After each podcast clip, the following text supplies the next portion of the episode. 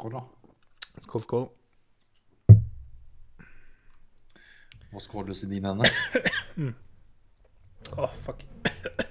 Fikk litt kulser i strupen. Det er en slik en uh, ny eksklusiv dansk fadel.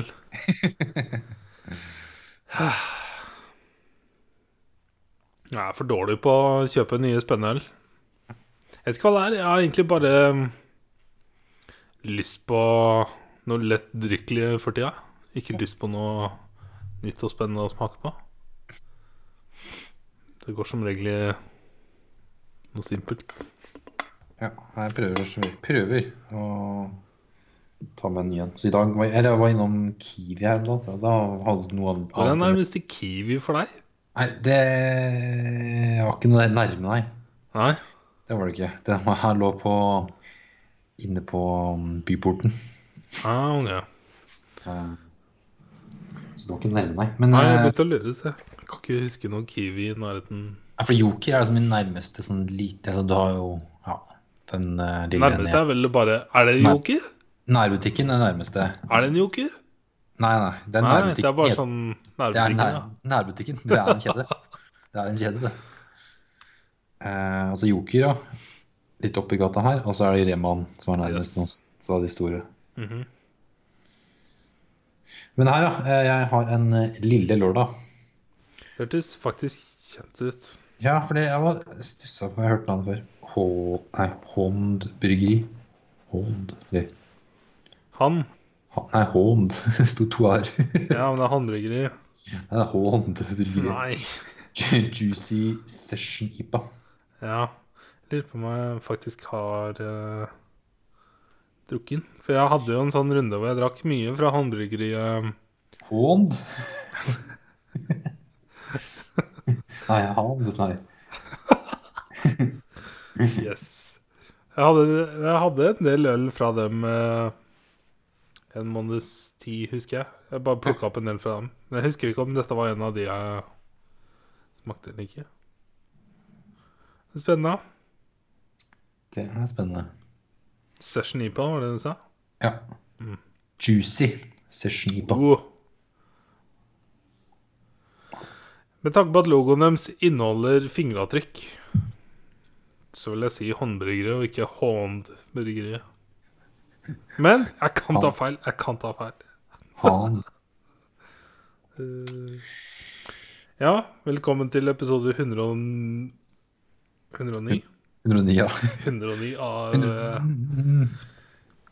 Forrige uke var det Vannpodkasten. Nå er vi tilbake til Ølpodkasten. Øl, øl, øl, øl, øl, øl, øl. Siste 168. Ja. Oh yes. Har du gjort eh, hjemmeleksa? Leksa. Ja, i dag, det ble bare uh, film denne uka her. Teknisk sett har jeg spilt en tidligere hjemmelekse. ja, det har du faktisk. Eh, så jeg har gjort to hjemmelekser. Ah, shit, ass. Jeg som bare skulker unna. Jøp. Men jeg snakker om dette, dette var gøy. Dette var gøy, syns jeg. Star Wars. Yes. Også ikke bare Star Wars, men Star Wars. Ja, Star Wars. 1977, men også kalt for episode 4 A New Hope. Ja, for at i iTunesen min, så når jeg kjøper denne, så står det Star Wars, og så står det episode IV. A4, ja. Mm. Og så A New Hope, eller hva det står. Jeg tror det er A New Hope. A New Hope, ja. ja. Eh, mens eh, når jeg trykka play, så står det liksom oppe i hjørnet bare Star Wars. 1977. Ja. Så originaltittelen er vel bare Star Wars? Tror det. Men inne i introen i rulleteksten der, så er det jo episode 4, vel. Det står vel det der. Jeg skulle jo tro det, men jeg husker ikke. Jeg tror det, at det står eh, det der. Det tror jeg, da. Uh, Anywho. Anywho, Eller skal vi finne ut av det? Vi kan finne ut av det. kan det. Star Wars episode Army. Uh, ja, i rulleteksten da, som, eller da, kanskje begynne med cast og crew. Uh, skrevet og regissert av George Lucas himself. Uh, Mark Hamill, Harrison Ford, Carrie Fisher, uh, Ja. Øverst i gule teksten så står det episode eh, IV og A New Hope. ja, det gjør det, ja. Yes, ja. yes Carrie Fisher Uh, Prøver du å komme på andre navn.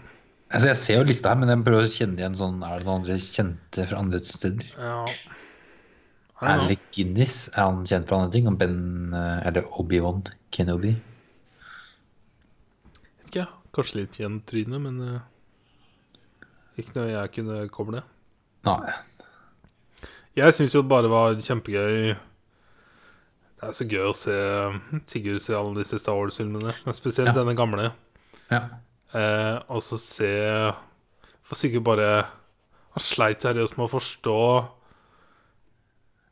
I forrige film så sa jeg jo at han generalen Eller det er ikke general, men et eller annet fucking military-greie på The Death Star. Han CGI-karakteren i, Ja, ja, ja, i Rogue One. Og se han her Jeg syns det var Jeg ble fucking impressed når jeg så dette nå. Fordi at når jeg så ehm, Rogue One både på kino og for et par uker siden, så igjen så er det imponerende CGI, men ikke noe sånn Holy fucking shit, it looks fucking good. Men Ja. it looks like CGI. It looks like really good CGI. ja, for du får den sånn derre Det her er noe merkelig, liksom, som er Men det er bra. Ja, men når vi så denne nå, og Sigurd sleit seriøst med bare Wow, what the fuck? Det ligner skikkelig, altså! Mhm. Det er jævlig godt gjort. Det må jo være lettere å gjøre CGI av enten å mappe ekte personer eller å bare finne på noe helt nytt, enn å faktisk etterligne et annet menneske som skal inn i samme rolle jeg ble, jeg ble mye mer imponert nå når jeg så denne på nytt, kjente jeg. Av han ja. God damn it. Eh, hva kan den hente? Det er to generaler her, i scenen Da Donna, Willard Det er flere. Det er general på begge sider, sikkert. Ja, men i hvert fall, han fyren det, Den CGI-en i Rogue One er uh, impressive as fuck. Mm. For dette så Det var, det var likt, altså. Det var jævlig likt. Det er noen en veldig tynn fyr uh, i denne filmen. Han har veldig sånn distinkte trekk i ansikt Ja. Som er kanskje lettere å etterligne, jeg vet ikke. Men uh, it looked fucking good, altså. Men i Rogue One så føler jeg at han Han er liksom i bakgrunnskarakter. Så han er jo bak han uh, Ja, Ben Mendelsen, liksom. Og så er han liksom bak der, i kulissene. Men her er det sånn Han er, virker som han er over Wader og eller ja, det, det var åpenbart i Rogue One at han var over Ja. benvennelsen. Men han, at han var en litt mer sånn supervisor of the whole thing.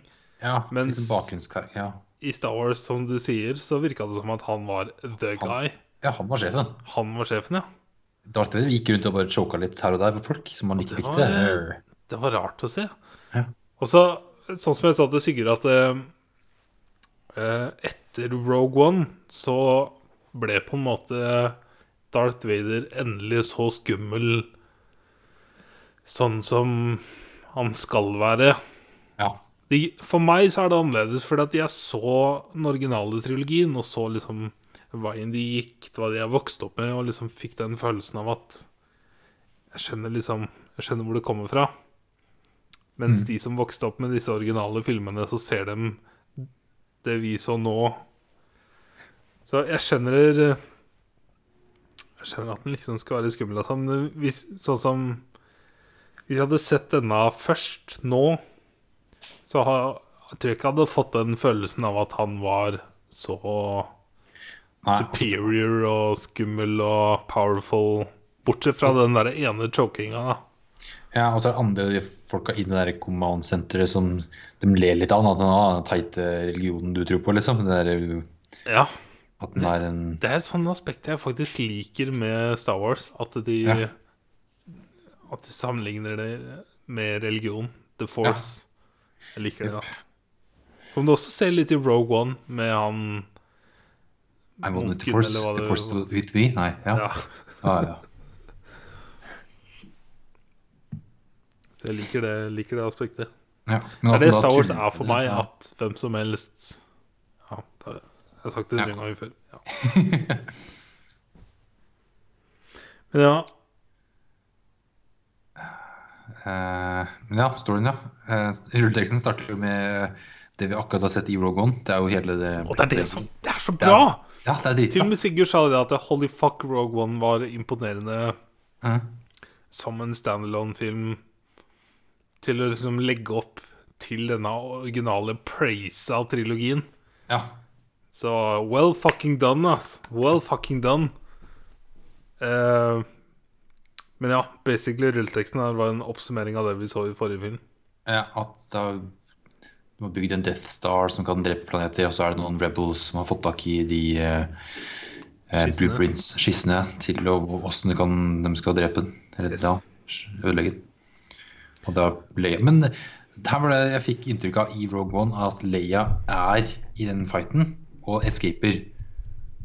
Som jeg nevnte sist gang. Og her starter filmen med at da Wader tar det henne igjen og får de Skal få de den ja, Ja. plan, plansa hennes. Så da er det det at prinsesse Leia og gjengen er da på det skip. Enten så er de der, eller så er de en lightspeed eh, travel unna Ja, men Åssen kan liksom Wader plutselig finne dem, da? Ja, da, Når det kommer til light travel, så kjenner jeg at eh, Jeg tror jeg har snakka om det før, at det er en sånn diskusjon eh, vi bare må melde oss ut av. Fordi at Jo, men we don't know det, how it works. det er nesten mer logisk at hun, han var der, at hun escaper. Fordi når Wader står liksom og ser ut, liksom, ut i rommet i slutten av Rogue One, så på en måte ser han etter Leia at hun har liksom escape, eller flykta. Ja, for det står jo Og også da- i denne rulleteksten at hun da er på sitt Starship. Mm. Ehm, så når jeg leste det, så gikk jeg fort mer over i din camp etter forrige Ja. diskusjon enn en det jeg tenkte. At Ja, du faktisk faktisk var oppe mm. Var der eh, for å ta det imot, ja. For da i Rogue One, når de da får de, eh, de plansa på den USB-stikken og løper gjennom korridoren og løper videre og sånn Nice. og så hiver de videre og videre, og videre, og så er det en eller annen skip som stikker av. Og det er jo det Ja. skipet der Leia er på. Som da Darth Vader ser på Right. catcher opp til. Makes sense. Så jeg må Så. Det må være sånn. Ja, jeg vil si du har, eh, du har rett der. Det maker mer sense. eh, Eller at det bare er lightspeed. Altså, det, er sånn, ja. det blir jo bare teit. true. Rommet er jo true. Du ser jo også i denne filmen hvordan de mm, på en måte sier at maskinen må regne ut eh, Den derre jeg, jeg kaller det yeeten. Yeet! Hver gang skal yeete ut i space.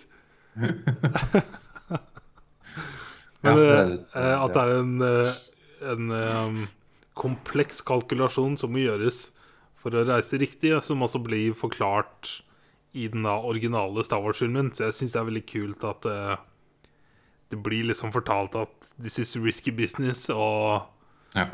derfor må det gjøres kalkulasjoner for å passe på at det blir gjort det riktig. Så havner du midt inni en planet. Så jeg setter pris på det. Som også gjør A New Hope eh, Liksom Den er så Jeg vet ikke om det er denne filmen alene som gjør det så bra, eller om det er alle de andre i etterkant som drar inn ting fra denne. Men Ja. sånn som i The Last Jedi, når de faktisk eh, tar og git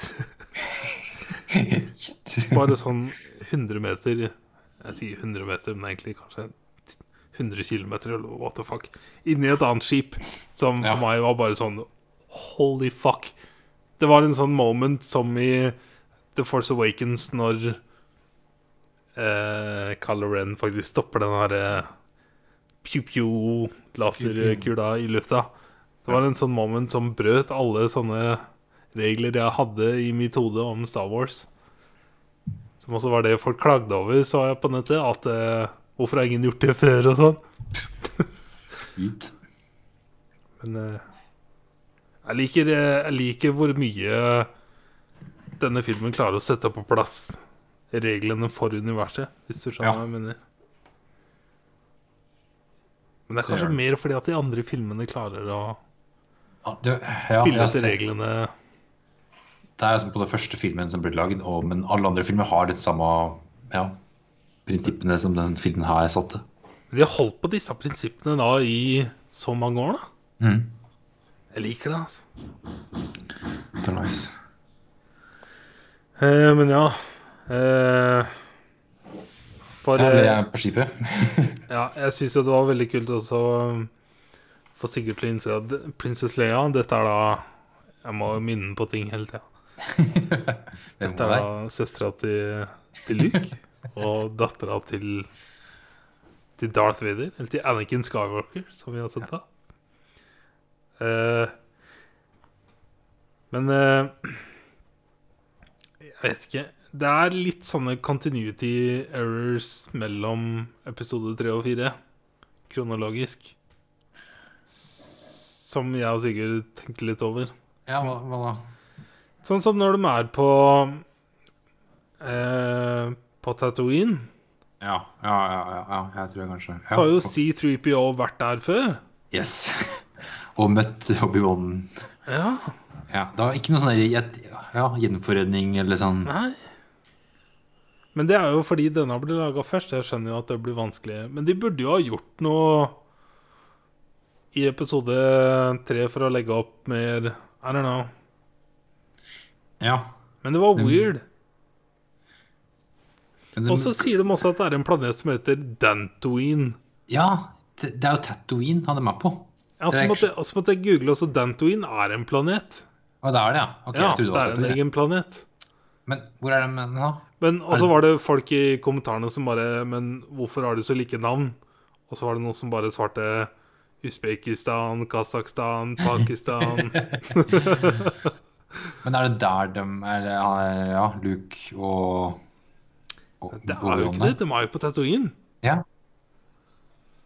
Tatooine som har to måneder, eller hva faen det er for noe. Den derre flotte scena ja. som ah, gjør episode både to og tre så fin, med sånn som i den originale her, hvor Luke titter opp mot Ja, For nå er jeg inne på bare Wikipedia her at de, ja, C3PO og R2D2 drar da til Desert Planet Blow Tatooine. Så jeg ikke hva Er det bare en, Har sagt feil, eller sier de Ja, for Dantooine er planeten som blir ødelagt av The Death Star, er det ikke det? Nei, det er eh, planeten til Leia. Som er den eh, Alderaan, eller hva det heter. Jeg trodde Alderaan var en by, ja. På da skal vi se her Det er så mye å holde greie Ja, på. når du, har, når du begynner å snakke om planeter og solsystemer Ja. og sånt, så Fuck. Måner og eh, eh, eh. Dantooine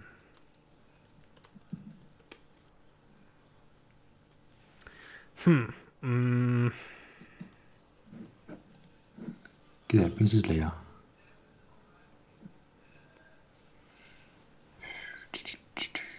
Det er sikkert veldig spennende for uh, folk. Jeg er nysgjerrig nå. Alderaan er der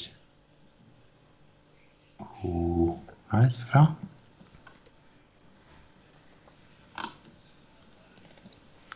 After from the main rebel base var på Dantooine. Ok, så det som på Dantooine. Ja, det var det de skulle ødelegge. De skulle jo få the location of the, um, the rebel base. Ja. Og eh, Det er derfor- det er derfor hun, hun ville jo ikke si det fordi at det var der de var, så derfor tok de hennes hjemplanet istedenfor. Hun, hun sier jo en, en planet Dantooine. Eh, og da Ok, takk, takk for informasjonen, så, drev, så sprenger det uansett uh, Alderaan. Yes. Men så finner vi etter hvert at på Dantooine så er det, er det en forlatt uh, base.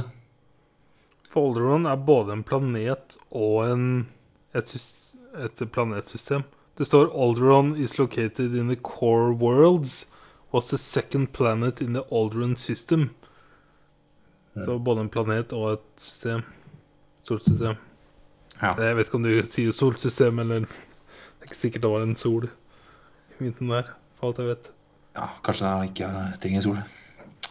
Men det var dem, dem ja. planeten de faktisk destroya, var da Alderon. Ja. Hold Mens The Hidden Base, Rebel Base, var på Dantooine. mm, Var det? Nei, jeg tror at Dantooine var bare hun, jugde og sa at de var på Dantooine, tror jeg. For ok, nå er The planet had no industrial settlement Nå snakker jeg om Dantooine. Ja. The planet had no industrial settlements or advanced technology by the time of the Galactic Civil War, save for a temporary rebel base. Så bare en temporal ja, fordi når de et, etter hvert i filmen her så sier de at de har vært på Dantooine, men det er sånn, kun en gammel base. Ja. Eh, men hva heter den Ja, hvilken planet er de egentlig på, da? For den planeten er jo med i Jeg føler det er det samme planet i episode 28. Ja. Ja, den samme basen de er på. Er det ikke det? Ja, jeg får den følelsen, spesielt Ja. med disse vakttårna og sånn. Ja, og så er det en ørken og sånn svær sånn fortress Ja. mm, mountain der, ja. Eh, er fordi de kommer jo seg til dit fordi de for, Ja. Da skjønner jeg hvorfor den der nølkulturen ble skapt, altså. Fordi at ah, det er såpass komplisert at du må sette deg litt inn i det. Ja, ja. Nerds er vi. Så gøy.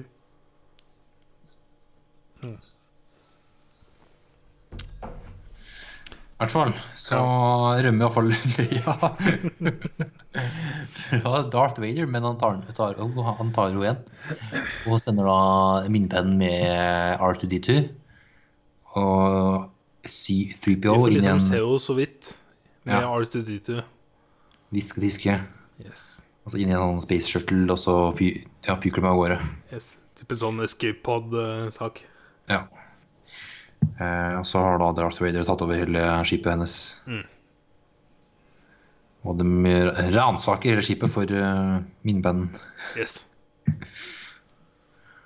Uh, ja, det var jo det var noen som har sett en uh, escape-poden kjøre ned til planeten, men det var Ingen Sånn- lifeforms. ingen life force. Ja, ja, får bare fly rundt, da. Det er rart de sier det når de lever i en verden med så mange androids. Ja. Men whatever. Eller droids, som du sier. Men uh, tenk, tenker vel ikke at det er viktig. Ja. Det var jo bare malfunction kanskje eller noe som skjedde. Og så får vi se Jeg husker ikke helt sånn helt kronologisk her, men eh, vi blir introdusert for, eh, for Luke. Ja, for det greia er at du følger R2 og, og C3PO ned på den planeten, Tatooine, som går rundt i ørkenen, og så blir de fanga av noen sånne der, eh, små folk. Og så blir de solgt Sand People. Nei, jeg tror det, det er vel ikke Sand People. For Sand People er det helt idiotene som Ja, De som løfter våpenet over hodet. Sånn. Ja, de er høye folk, men de her er sånn små Sigurd folk. lurte på om skuespillerne var barn eller dverger. Og så ble vi enige om at jeg tror det faktisk er barn i dette tilfellet. Ja, det tror jeg. Det er, det også barn vel i de der små Ja. Men jeg vet ikke om de Jeg vet ikke hvem de er. Uh, men jeg husker jo begrepene Sand People ble brukt i denne filmen. Men jeg kan ikke huske det ble brukt i episode 1. Eh, for episode 1 det er jo andre folk, mens disse er disse lave med laserøynene og disse kule basene på hjul. Eller ikke Jo, på men det- hjul, da, men på belter. Ja, men det er vel det samme folka. Altså, du har I i filmen her, da, så er det Sand People som er liksom de bad guysa på Tatooine. Men så er det der, eh, de små som driver bare og scrapper liksom, og selger ting. Det er jo ikke samme folka. Det er ikke Sand People. Jeg tror ikke det. De Jeg trodde det i episode 1 så hadde de et navn på The Tusken Raiders eller noe han. Tror jeg de kalte dem. ja, Fuck, kanskje, det, nå er vi så nerds. ass. Jeg tror det er sånn altså, som tar liksom mora til Anakin. Nei, nei. Google Nei, det- Tusken Raider. Er det Fuck yeah, dude. Tusken Fuck er det? Det er til et ikonisk bilde med å løfte våpen over hodet. Men det er Sand People. Det er Tusken Raiders. Ja, ok, det er Sand People. Jeg tolker det som Men hvem er de som Disse lave barneskuespillerne med rød laserøyne? Der står det Tusken Raiders informally refers to as Sand People. Det er samme folka. Men de der eh, Skal vi se her Java! Java, Java Det var det det var. det er det, du. Det er de små barna. Det var de små. Ja. Fordi at Jeg kan huske i episode tre To To? To? Når Anakin jakter mora si, ja, det er vel toeren, det. så møter han da en Java utafor denne Java-basen på beltet, vet. Så stå, det er én scene hvor han står utafor en sånn en og prater med en Java. Peker litt, og så Ja, Ja, det er vel det. husker du det? Ja. Yes. Faen, vi Ja. er nerds, altså. Men du, du, skjønner du hvorfor For jeg kan jo huske når The Force Awakens kom, og jeg dro og så dem på kino, og det var en veldig big moment for meg. Mm. Og så for deg så var det en sånn Jeg er ikke så inne i Star Wars, liksom. Nei. Mens nå så har du kommet mer inn i Ja, ja, nå, nå kan jo gjøre Java og så Ikke sant? Tusken Raiders og Tatooine og? Dantooine og alt nå. Så jeg tror vi var på samme nivå før The Force Awakens, for å være helt ærlig. Med en Ja. sånn Vi vokste opp med 1, 2 og 3, og det var sånn Det var fett. Det var, Ja. det var kult. Det var annerledes. Men når jeg så filmene på nytt, og så så episode 4, 5 og 6 før The Force Awakens kom, og var liksom Jeg var hypa opp. Mm. Og så var The Force Awakens så bra og så interessant, og jeg ble så interessert i en sånn Hva skjer videre? Ja. At jeg fikk en sånn ny hype som jeg tror kanskje du først begynner å kjenne på nå. ja, jeg, jeg gleder meg litt til de nye filmene, liksom. Jeg kunne bare- det er gang. til, da. Ja, ja, jeg tenker på de nyeste av de oh, ja, sånn, ja, okay. nye trilogien. Som jeg kunne sett én gang. For det som er kult nå, er at når vi blir ferdig med dette, så er det én film som skal rappe opp Ja. hele sagaen. Dette er, eh, dette er eh, endgame. Jepp. Yes. Oh, Så fucking Eller egentlig ikke endgame. Det er egentlig uh, Far From Home, som er weird. Nei, det er, det er ikke wrap-up, ass. Jeg syns ikke det. Jeg, vil si endgame. Det, det er sånn eh, Far From Home er eh, heter det? Epilog? Epilog, ja. Ja. Det er John. ja. Yes. Hvor mange var det som tok den? Ah. Eller uh, Jim. Jim Milton. Jim. Milton. Yes. Men ja, vi har, vi har snakka en halvtime, og vi har nesten ikke snakka noe om den faktiske hjemmeleksa vi har sett.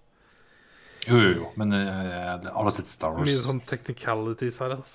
Ja, ja. Uh, ja, du blir Eh, kjent med Luke. Og så når Luke er i dette hjemmet, så var det sikkert som først spurte at Har ikke C3PO Er det ikke her han faktisk var? Og så ble jeg litt sånn usikker. mm. Uh, fordi at jeg visste jo i slutten av episode tre så får vi jo se Obi-Wan leverer Luke til sønnen Sønnen til han som Han Lars. Ja, sønnen til Lars. Ja. Eh, men om de bor i samme hus eller ikke, det vet jeg ikke. Men det er liksom samme environment, i hvert fall. er sikkert, det er sikkert samme hus. ja. Sikkert samme hus, ja. Så jeg syns det var litt sånn rart at C3PO ikke Ja, og så er jo, det- det er jo ikke der han blir lagd, men det er jo samme ja, stedet. Ja, så jeg Sånn skulle som tro at han Nærmeste byen er vel den byen Anniken Anakin vokste opp i, Ja, regner jeg med. skulle jo tro det. Mm. Men uh, Så jeg syns den var uh, Her nå.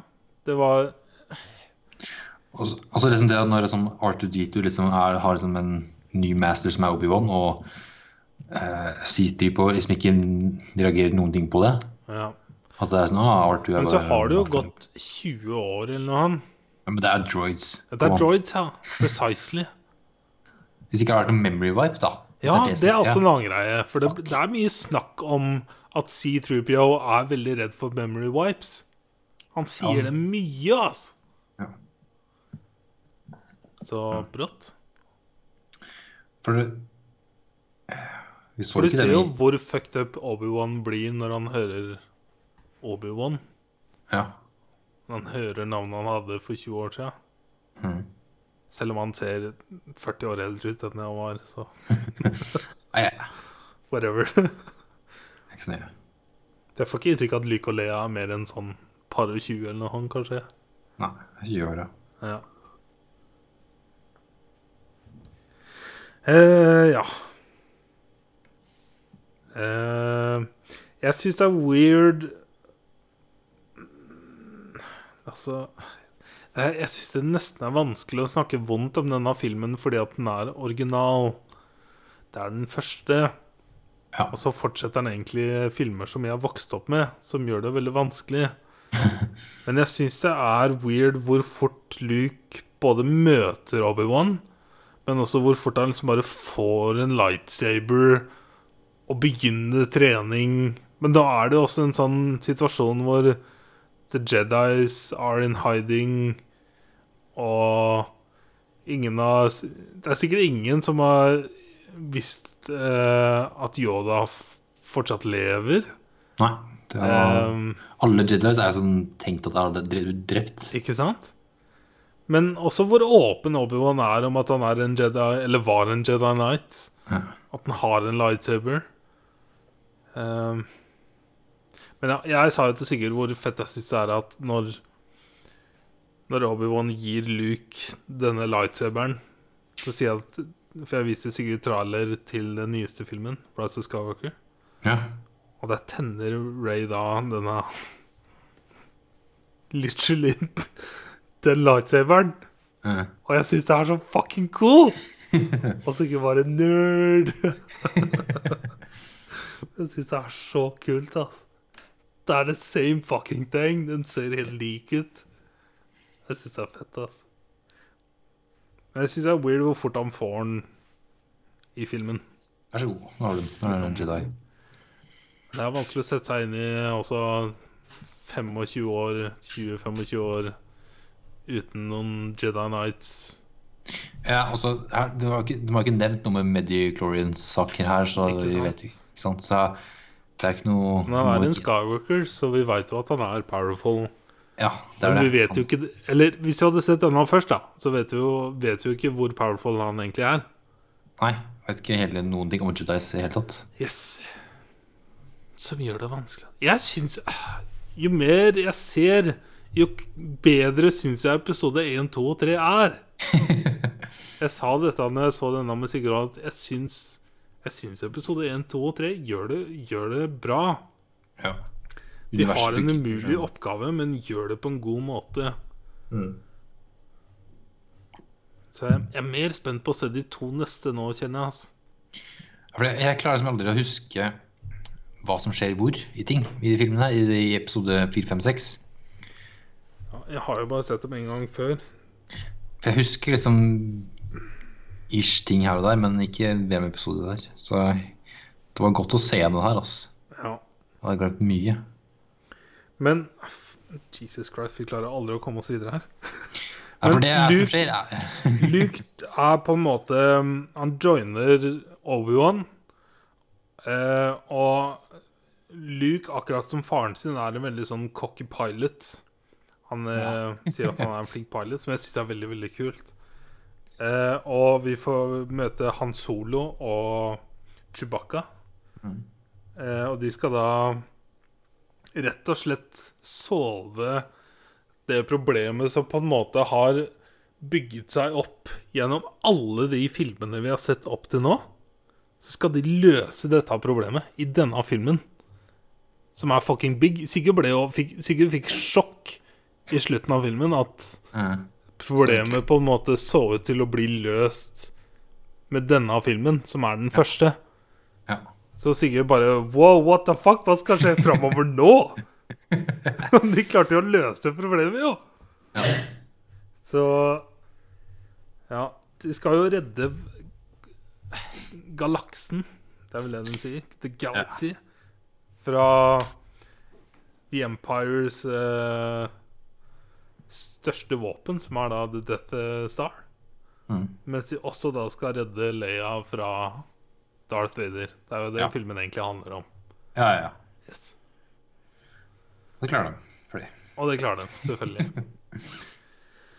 eh, også lightsaber-greier, så er det litt trening med Luke, hvor han trener litt. Og så er det én fight mellom Obi-Wan og Darth Vader, og for meg var det veldig stort å se nå. Dette var, Selv om det er den dårligste lightsaber-fighten noensinne. Nei, altså, Jeg må ikke tenke på sånn at det går fort nei, men uh, det er en bra sånn Men med tanke på disse filmene jeg har vokst opp med, og også hvem som Ja, sånn du sier, disse to som faktisk står her og fighter nå, Ja. hvor stort dette er, og til og med dialogen Mm. hvor Darth Vader sier at The last time I fought you I was an apprentice, now I'm the master. Mm. Og disse dialogene, det var så bra, det var så godt. Og som igjen bygger opp med, for meg, hvor gode episode 1, 2 og 3 var. Yep.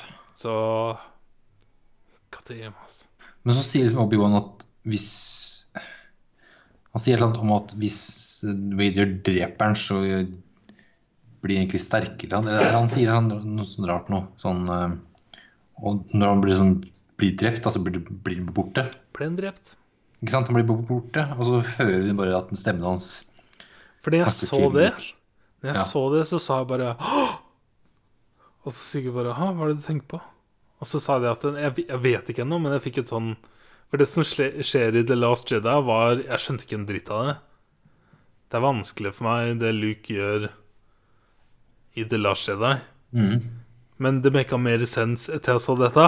Ja. Men nå husker jeg ikke helt hva som skjer i episode, episode 5 og 6. Jeg vil se det før jeg setter tankene på plass.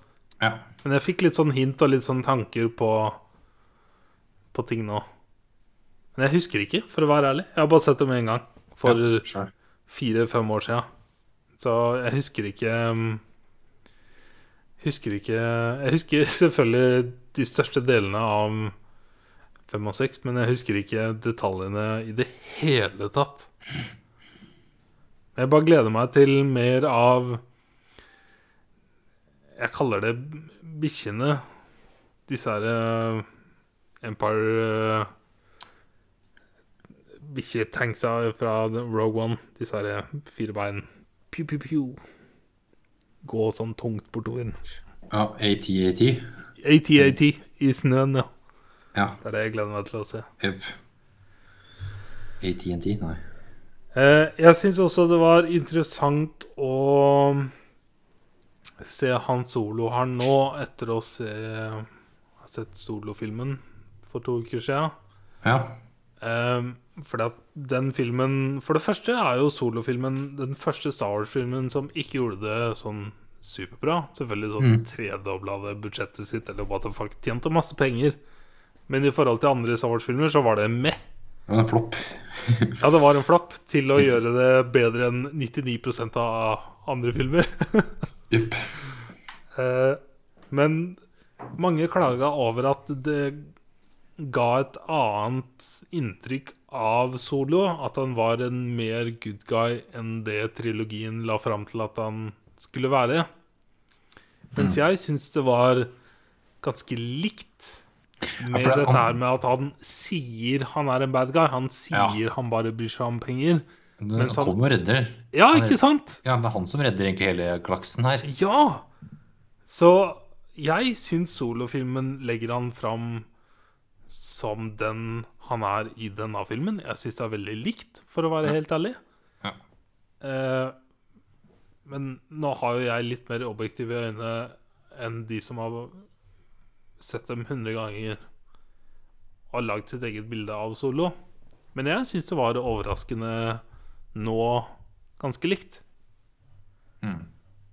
For til og med i solo så er det litt sånn på slutten Etter at den faktisk hjelper denne befolkninga og barna som eh, er i The Rebel Alliance Hvor han faktisk hjelper dem i slutten av filmen der.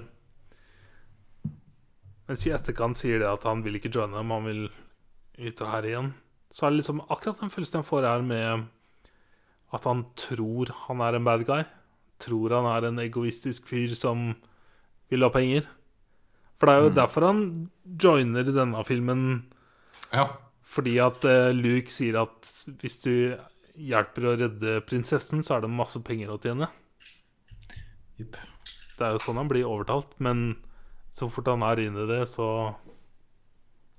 viser det hvem han egentlig han er. vel Han han skjønte vel på slutten at han må gjøre noe for at Ja, He's a good guy. Ja, han er en good guy, og jeg skjønner at Empire er bad guy, så han må gjøre det rette. Ja. Yes. Og så er det noe jeg ikke har snakka om så mye ennå, men jeg har jo mye tanker og mye følelser på Det blir sikkert mye mer interessant i løpet av de neste to filmene, men denne karakteren Kylo Ren, som jeg syns er så interessant med tanke for hvor han kommer fra. Som jeg ikke har nevnt på Sigrid ennå. Det er det eneste jeg Ah. ikke har sagt ennå. Oh. Fordi at eh, jeg har så lyst til å få hans freshe take på det. Ja, ja, det er også gøy. Men han har jo sett eh, Selv om Luke, I am your father ikke er en direkte quote, så er det jo noe man hører ofte. Ja. For i selve filmen så sier han jo ikke Luke, I am your father. Han sier bare I am your father. Han sier ikke Luke. Det husker jeg når jeg så filmen originalt, så bare What the fuck? Quoten var annerledes enn det jeg trodde det Det er mange filmer som er kvota feil. Yes. Men, Merkelig. så jeg er veldig, jeg er veldig interessert i å se Sigurds reaksjon på episode 7 og 8 på liksom Spesielt på Carlo Ren. Ja. Det er bra. Ikke si noe om hvem det er. Ja. Yes. Jeg gleder meg. ja kult. Eh, herregud. Dette er kanskje første filmen vi snakker om hvor vi snakker mer om Mer fatalt rundt, ja. ja det, Men det er fordi at dette bygger alt. Dette bygger alt. ja. Altså, hvis jeg tenker sånn storymessig, så er det sånn rescue mission Det er og en sånn battle på slutten, sånn det går bra. Ja. Eh, det åssen den kommer sitt. det er jo artig og spennende, men eh, Men også for oss som har sett alle da de kronologiske filmene som leder opp til denne, hvor stort det er. Fordi bare i Rogue One, hvordan de fyrer opp dette, eller våpenet ja. i The Death Star, er jo helt lik. Det er så kult å se i Rogue One ja. hvor likt det blir gjort. Det er litt sånn mindre sånn effekter når de sprenger en diger planet, og så er det sånn poff, og så er det masse sånn eksplosjon. Men Ja. For så fort filmen var over, så sa Sigurd at jeg skulle ønske Hvor kult hadde det ikke vært å se denne med dagens effekter? Og jeg bare Helt riktig. Helt riktig. Hvor sånn kult hadde ikke det vært? 77. Yep. Helt sjukt. Altså, jeg ble jo imponert over hvor bra verden Eller visse planeter ble bygget opp. Med både byene, de rare dyrene Alt sånn Denne CGI-en som var i 1977 Jeg ble overraska over hvor bra det var, jeg. Mm. Når jeg så det på nytt nå. Selv om for oss så er det crap. Men, Men å tenke seg tilbake til 1977 Jeg passa på å se en versjon som er den originale. Ja, for det er jeg usikker på om jeg har originale eller mer med sånn special edition. Ja, for de nye editionene har Jeg tror det er mer musikk, og så er det andre fargejusteringer. Men om du da har gjort om sånn CGI, gjort litt bedre CGI, det, det kan De endra mye på spesielt fargene, Ja. vet jeg, i nyere releases. Fordi i iTunes min så står det bare Blu-ray. Ja. Det står ikke noe mer. Mm. Nei. Men eh, jeg Jeg skulle ønske jeg kunne få et Jeg har sagt det mange ganger før, men jeg skulle ønske jeg kunne få et større innblikk i hvor stort det var, eller følelsen av å se denne og de to neste når de kom, eller liksom ha, ha det som grunnlag. ja. For at jeg klarer ikke å sette meg inn i det. For meg så er episode 1, 2 og 3 de første Star Wars-filmene. Og jeg føler jeg har veldig flaks. Jeg føler vår generasjon er veldig heldig. som får starte med de og få grunnlaget hvor det egentlig bare da make sense jo mer vi ser. Ja. Så jeg tror vi egentlig har vært heldige her, altså. Ikke at det, Jeg synes dette er jo en helt grei film. Det går jo selvfølgelig Det er veldig tregt. Eh, det er veldig mye scener eh, hvor det ikke sies så mye, og det er bare sånn Ting går veldig sakte. Men sånn er det jo alle gamle filmer, da. ja, det er den samme stilen der. Men det sjukeste med denne filmen fra 1977 er hvor god lyden er. Det er så gode lydeffekter her òg, altså. Det er helt sjukt. Det er jo denne her filmen satt alle lydeffektene sånn Alt fra pipipu-lyder til uh, alle flyve... fly... Ja. Det er Romskipet. så impressive. Ja. It's so fucking cool, altså. Altså, selvfølgelig når alle de resterende eh, filmene i etterkant har da valgt å bruke nøyaktig de samme lydene, for at de er såpass bra, Mm. så sier det noe om hvor god både tankene bak alt og teknologien og hvor perfect det er i denne filmen. Yep. It's good shit, altså. Mens eh, objektivt, denne filmen alene klarer jeg ikke å sette noe mening på. Jeg klarer ikke. Jeg har ikke mulighet til å Nei, du må se Du må se hele sagaen. Ja. Altså se det kronologisk. Ja, faktisk. Det Fordi at Før The Force Awakens så så jeg dem i rekkefølgen de kom ut. Ja, bare for å få feelinga på det. Jeg har også gjort det. Og det ga meg ikke så stort. Ja, det Det var kult å se de originale filmene for første gang. Mm. Og så var det fantastisk å se episode 1, 2 og 3 på nytt. Ja. Og så var The Force Awakens for meg veldig revolusjonerende. Jeg syns det var fucking huge. Jeg gleder meg så jævlig til å se det på nytt.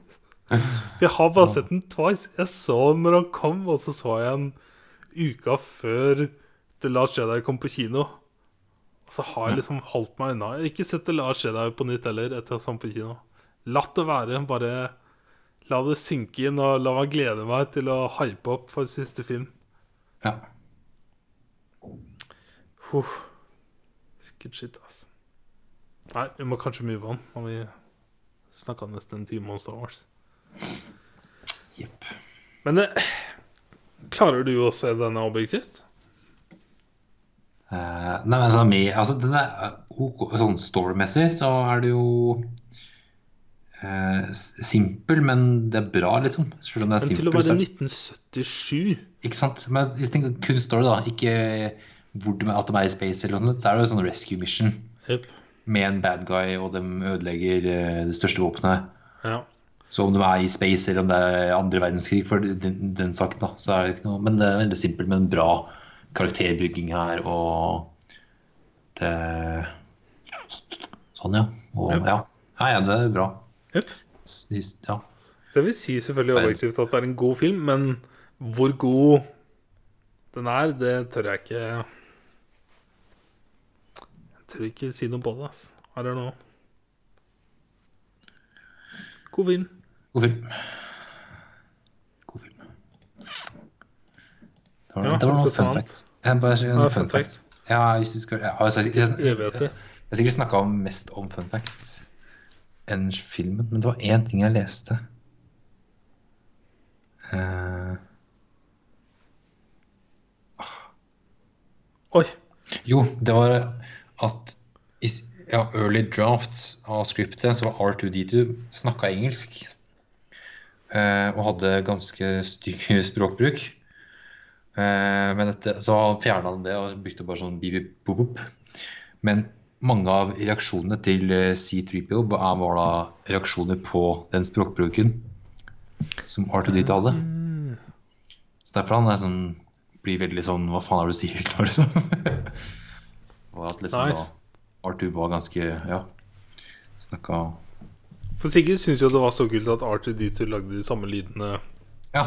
i denne filmen som han liksom gjør i ja episode 1, 2, 3. Spesielt den derre. Det er helt kaoslig, ja. Yep. Nerds, altså. Nerds. Hei. Hadde du en til, eller skal vi move on? Jeg leste bare øverste på IMDb er Ja. At George Lucas var så sikker på at denne filmen skulle floppe så jævlig at han Mm. istedenfor å dra på premiera, så dro han til Hawaii med hans gode venn Steven Spielberg, hvor de da skrev uh, uh, Raiders of the Lost Ark istedenfor å liksom dra på Star Wars-premiera. Holy shit.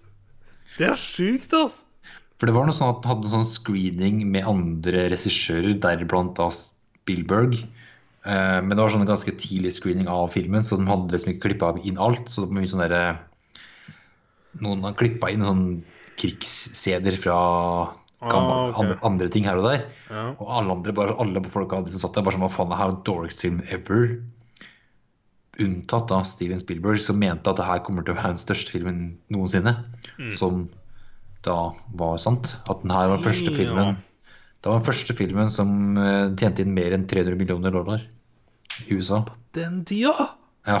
Wow! Det er sjukt, ass. Jepp.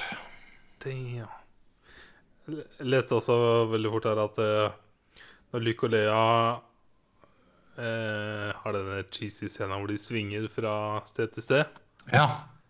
Det er en, literally en one take uten stuntables. ja. Det var Carrie, Fisher, eller Carrie Fisher og Mark Hamill som faktisk gjorde det. ja nice. One take. nice. That's cool. Akkurat som i Spiderman, hvor Tom Holland han er jo så sprekk. Til og med hvor mange av stunta han gjør sjøl. Ja. Til og med når fulle maska er på og alt. Han synger seg fra tre til halv fire, si. Yes. Hey. Nei, skal vi move on? Chewbacca was modeled after George Lucas' dog, Indiana. Indiana. Det var, det var litt for mye på en gang her, kjenner jeg. Her var det Indiana Jones-referanse òg. Wow.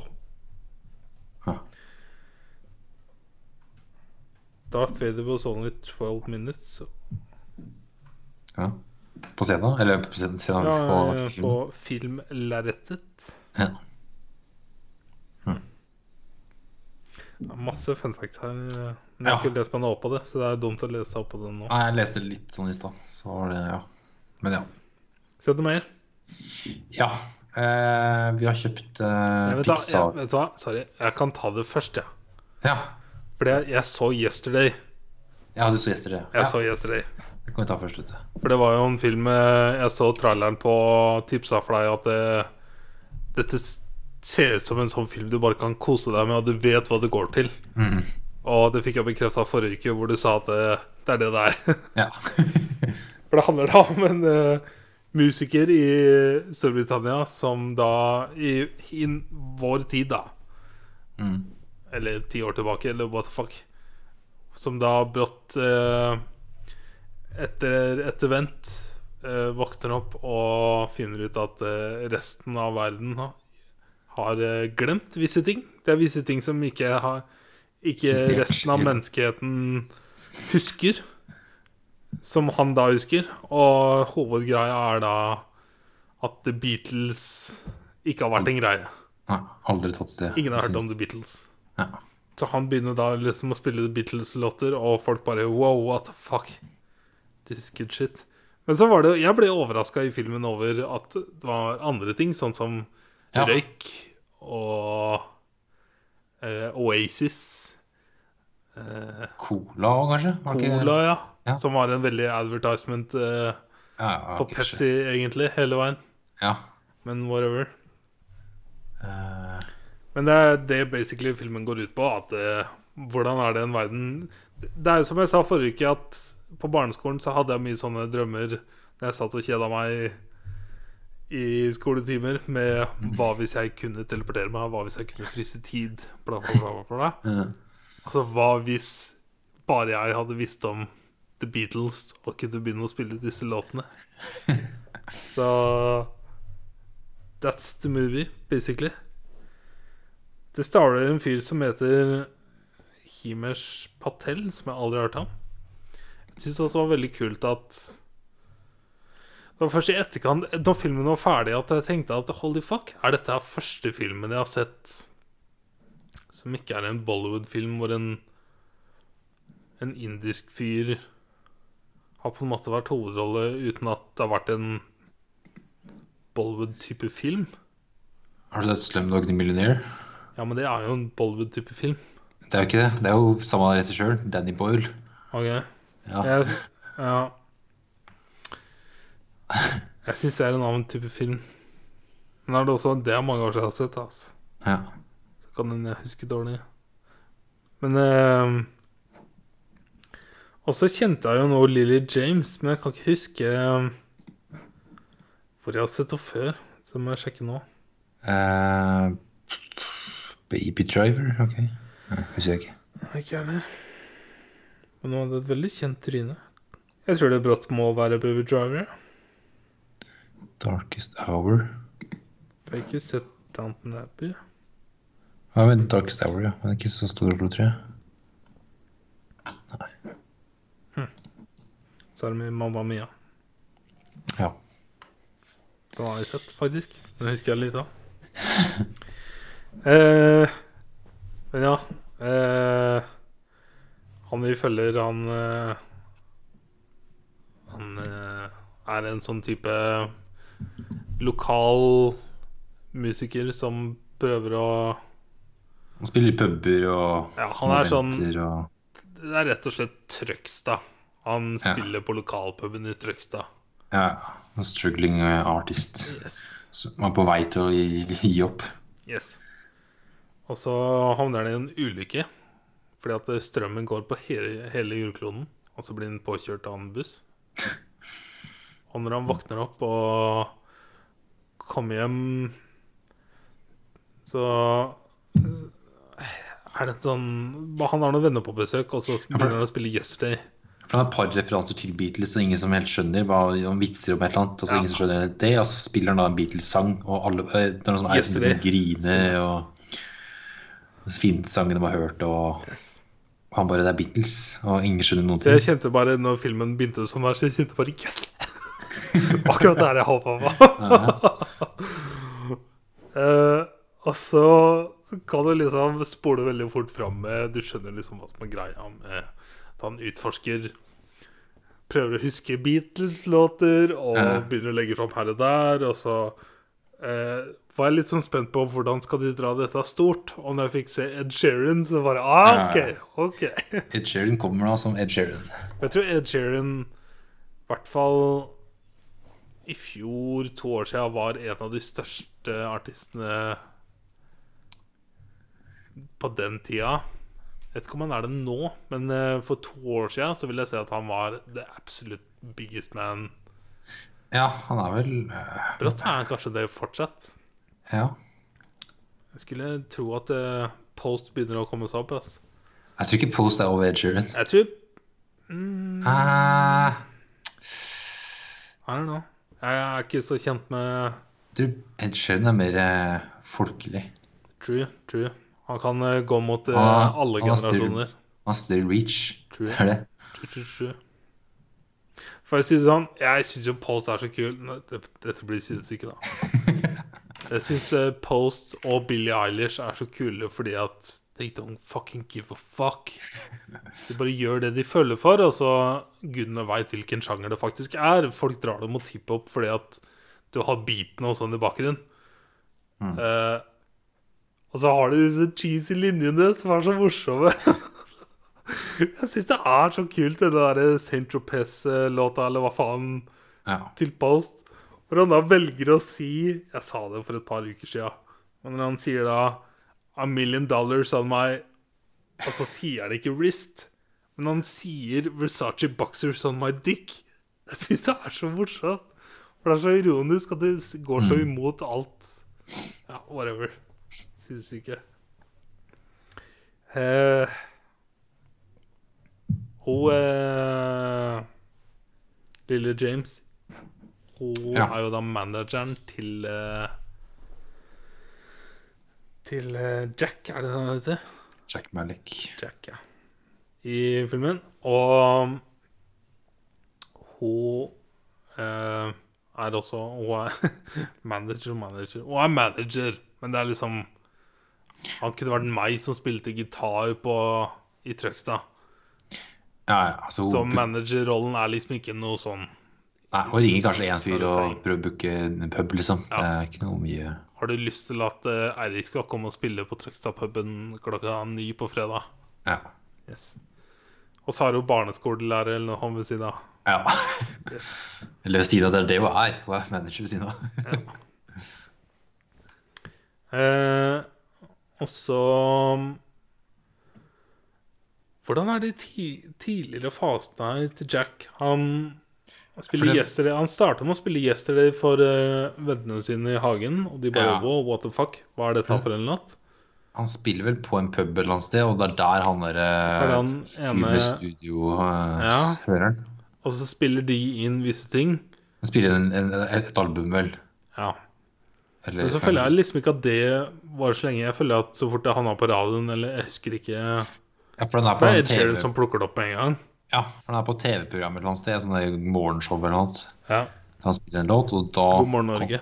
Ja, så kommer da Ed Sheeran og banker på døra. Bare, hei, hei. Så er det da det faktisk skjer. Ja. Og da kom liksom det punktet som dro ned filmen for meg, for å være ærlig. Ja, Som var hun SNL-dama. Hun eh, ja hun slitsomme. jeg, jeg vet ikke hvem hun er, men jeg kjenner henne som SNL-dama. Skal vi se Hva heter hun, da? Og er da agenten til Ed Sheeran i filmen. Ja. Deborah Hammer heter hun. Filmen heter Kate McKinnon. Ja. She's a fucking funny woman i SNL. Jeg har sett mye sketsjer av henne. Fucking hilarious. Herregud. Mens i denne filmen, som er så mange briter med feeling og Jeg syns det var gode skuespillere hele veien her. Og fikk, fikk denne lokalfølelsen som er så deilig å kjenne på. Og så skjønner jeg jo hva slags rolle hun skal spille. Hun skal sånn representere en Hun skal representere det verste med hele Hollywood, hele USA, Ja. hele musikkindustrien. Ja. Hun gjør det på en god måte, for så vidt, men jeg syns det var for over the top. Men det er også rart å si en film som handler om en verden hvor The Beatles ikke har eksistert, bortsett fra at én fyr husker alle låtene. Så Men jeg syns eh, hennes rolle var dratt litt for langt. For slitsom. Ja, og var det. Eh, men eh, får jo han Jack til å varme opp for han på noen konserter. I Russland er vel det hun drar først. Ja, og han da selvfølgelig spiller Back to the USSR. Mhm. Så nice. Eh, og så eh, blir liksom Ed Sheeran litt sånn Jeg tror han kjenner litt på at eh, holy fuck, Jack skriver jævlig gode låter. Hvor får du det fra? Ja, altså, så fort liksom han bare Det er Ja. en ny låt han ikke har hørt før, Altså, så Han vil ha en Altså, sånn konkurranse på Nå har vi en time, eller hva han sa, på å skrive en ny låt. Kvarter nesten. Det var ingenting. Ja. Ja. Og så skriver han en låt, og så kommer eh, Jack tilbake med en annen Beatles-låt. Jeg husker ikke hvem det var ennå. ja. Det var en klassiker. Eh, oh my god. så jeg syns det var så kult hvor liksom Jeg vet jo at The Beatles er stort. Jeg har fått det trykka inn siden barneskolen at The Beatles var Men Det endra hadde hele det, musikkindustrien. Det he endra verden. men hadde det slått an i dag? Ja, det er det. Jeg tror ikke det. Jeg. Men det, det er umulig å sette seg inn i. Fordi ja, det er det filmen her er. At, uh, men Ja. ja.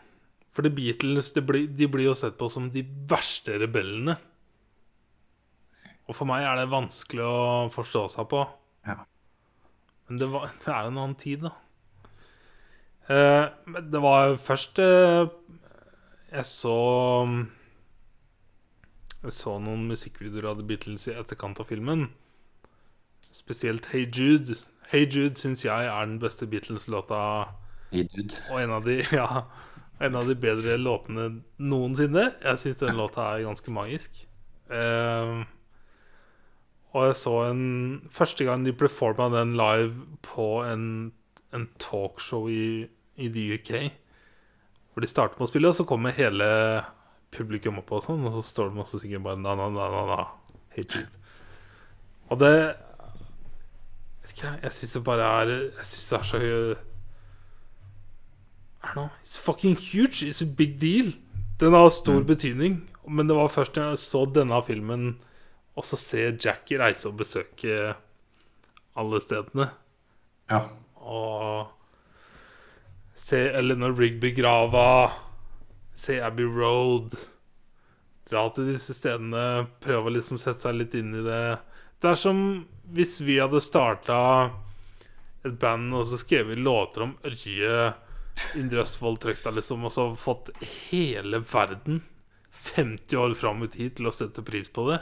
Det er jo en umulig oppgave. yep. Så det er derfor det er så huge. Men jeg følte filmen gjorde en ganske god måte å få fram hvor stort Beatles var. Når en fyr som bare er som at oss alle har hørt uh, The Beatles hundrevis av ganger. Eh, og når resten av verden glemmer, det, glemmer The Beatles, at han alene klarer å få fram musikken på nytt. Mm. Eh, så ja, tilbake til Ed Sheeran sier jo at eh, jeg er jo ingenting i forhold til deg. Når du klarer å skrive dette? Så han ser den at eh, Jack is a talent. Mm. Jack blir dratt inn til USA og liksom The life begins. ja, for her skal han da lage en plate. Det er her jeg syns hun SNL-dama har en for cheesy rolle. Ja. Det, det blir for direkte, og sier det for direkte at hun bare bryr seg om penger. penger og ting og tang. Ja, det er sånn Jeg kunne blitt vært mer naturlig, siden resten av filmen er så Det er rart å si resten av filmen. Hvis du går bort ifra hele grunnlaget for filmen, så er resten av filmen en sånn mer naturlig down to earth-feeling. Og så kommer denne rollen som gjør det så direkte, åpenbart Jeg syns det Det dro meg ut av det. Ja. Det er kanskje hennes rolle som skal også pushe den til slutten nå, at det han gjør på slutten der, da Ja. For eh, det slutter jo med at han istedenfor å en Det er på en måte en sånn gigantisk konsert på slutten som han da velger å gjøre i hjembyen. ja, for det Og så er en sånn liten tip of the hat til The Beatles. ja, han gjør det i hjembyen på dette hotellet han egentlig hadde en gig. Hotellet ble lagt ned. Og så har han konserten her, og hvor han da For det er plateslippet, Ja, og så den da sier hva som faktisk har skjedd, og så releaser de musikken for free. Ja. Eller er det en annen Nei, det er kanskje ikke der. Hmm? Når han sier at den skal release for free, er ikke det hos Ed Sheeran på en konsert han har?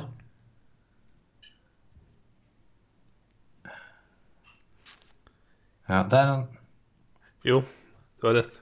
Ja, På da, dette hotellet så kommer disse to folka som har vært litt sånn hinta til underveis her. ja, At bare- de, de vet hvem The Beatles er. Og så er det to Mm. folk da som har vært i samme situasjon. Så, må vi tolke, da, som Jack, Ja. at han, de har vært knocka ut i denne eventen hvor resten av verden har glemt The Beatles og sigaretter og andre ting. Ja.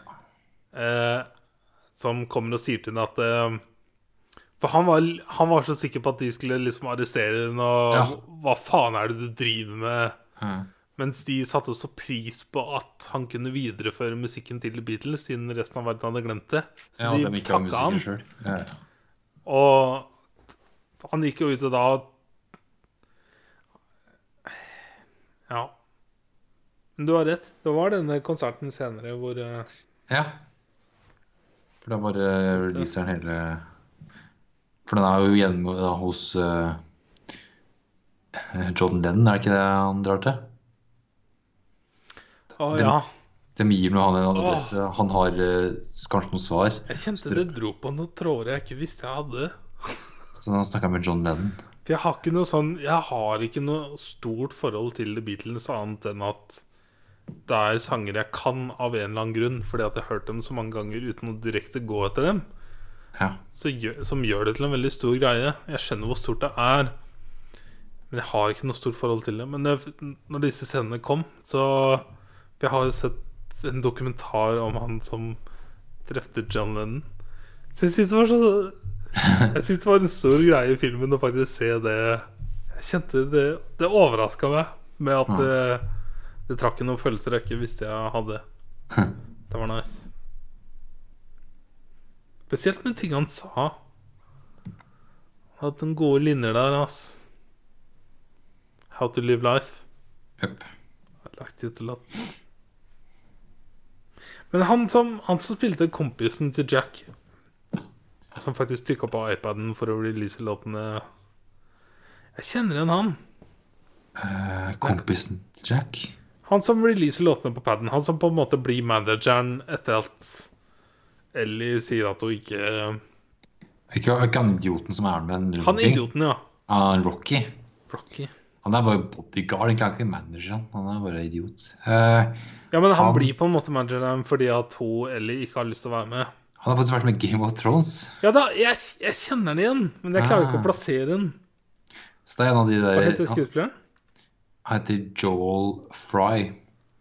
Han spilte Star Solorak. Han, det er en av de rikingene Ja, det er han som eh, yeah. prøver, får eh, Danny til å åpne The Fighting Pits igjen. Ja, Mar- Marine? Nei. Ja, i Marine. Ja. Stemmer det. Det er der jeg har den fra. ja. Damn! Ja. Her var han bare helt idiot. Altså, fy faen. Jeg er Rocky. Det var en sånn typisk sånn stoner, drunk dude. eh. Ja, ja, ja. Fy faen. Men damn, jeg kjente den igjen, ass. Det var impressive. Ja, jeg dro kjensel på, men jeg, sjek, sjek, sjekka nå at det var det. det. Ja, men det er først når du sa Game of Thrones, hvor jeg kunne koble den med en gang. Ja. Man prøver så mange ganger. Altså, hø hører de bøkene nå med Overtaler Danny til å åpne The Fighting Pit. ja, så er det Danny skal jo gifte seg med han. Ja. Damn. Blir han drept eh, i denne største Colosseum-fighten Blir han drept da? Uh, Danny skal klarer å rømme med Drogon Death Dør han faktisk da? Stabbed repeatedly in the chest by the sons of the harpy Ja, during var... the up Ja, during the uprising of a marine. ja right. Stemmer. Spoiler. Ja. Stemmer det. stemmer det Han skal også være med i Cruella-filmen. ja. 2021. Det er det nyeste bildet jeg ser, med Stone, Joel Fry og Paul Walter Hauser. Mm. Cool. Men eh,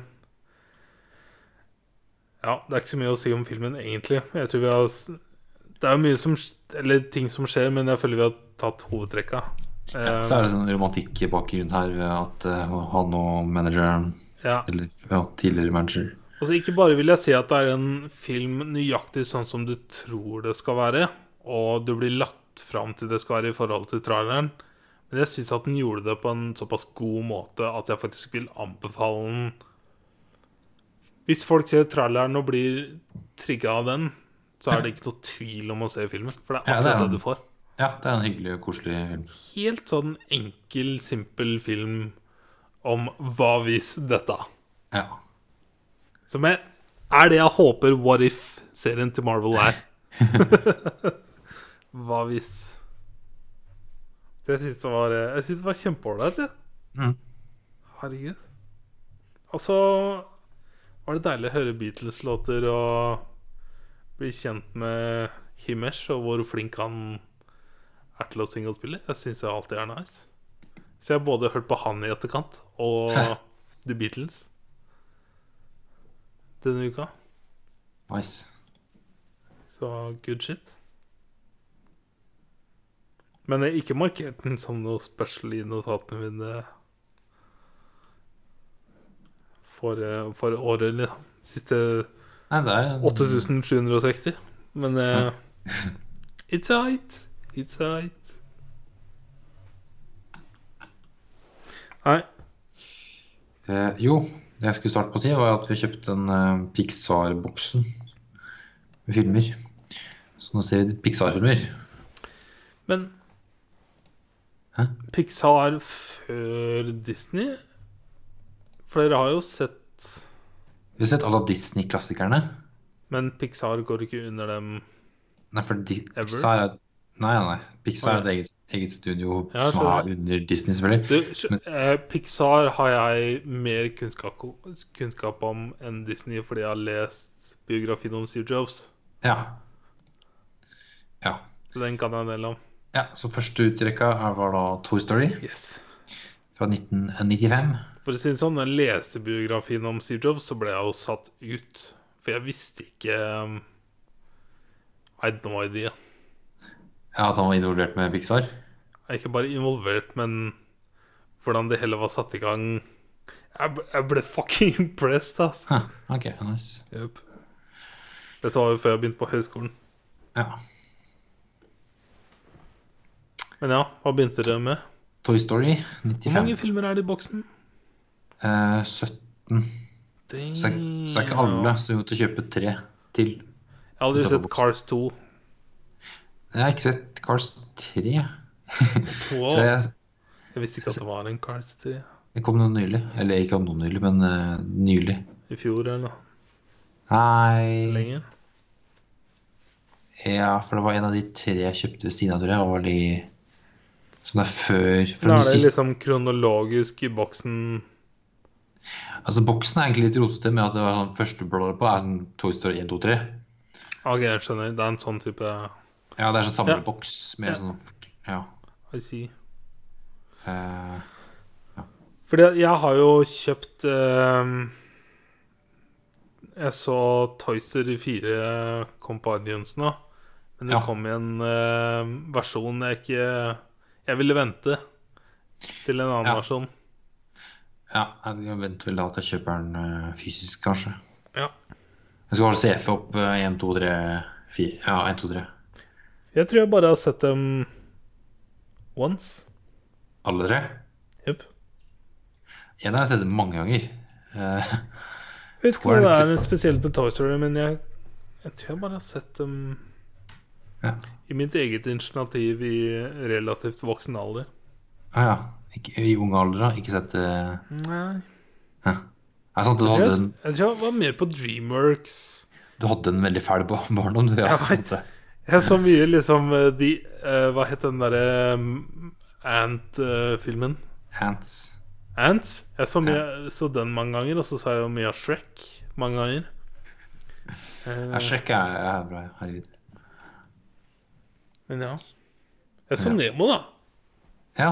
Mange ganger. Jeg så Nemo på kino. Det er en film jeg så litt sånn seinere i livet.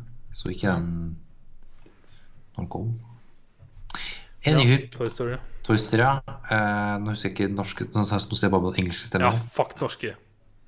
Nei, hæ? Jeg mente vi så den på norsk. Altså med oh, ja. IMDb. Nei, Så er det bare engelsk. fortsatt fuck norsk, fordi at jeg aldri har sett det på norsk. Du har ikke sett OK.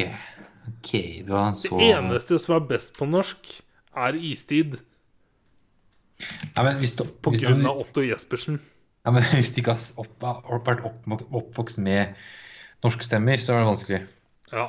Nei, jeg er ikke det i det hele tatt på Toy Story. Altså. Nei, nei, da må Hva er det som har det på norsk? Altså, du har jo han eh, Sånn masse norske stemmer. Eh, ja. eh, hva heter den, da?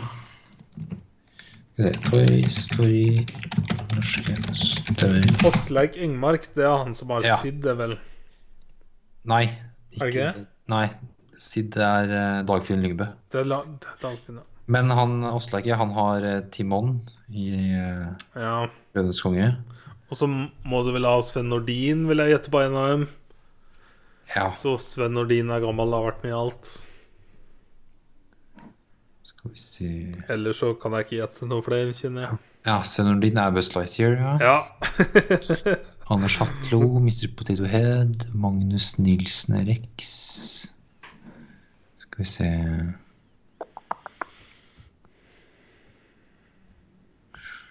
Nei. Nei. Ikke så mange kjente navn. Altså. Nei, Åsleik er jo kjentest. Nei. Men hvem var det som tok over for Dagfinn Lyng Lyngbø i Istid etter han slutta? For han var bare med i to av filmen eller tre av filmen eller noe. Er det ikke alle? Nei. Don't think so. Skal vi se Jo, han bare gikk igjen på en istid på kollisjonskurs som kom i 2016, sa Dagfjell Lyngbø Sid. Du sikker? Ja, nå ser jeg på Han har Skal vi se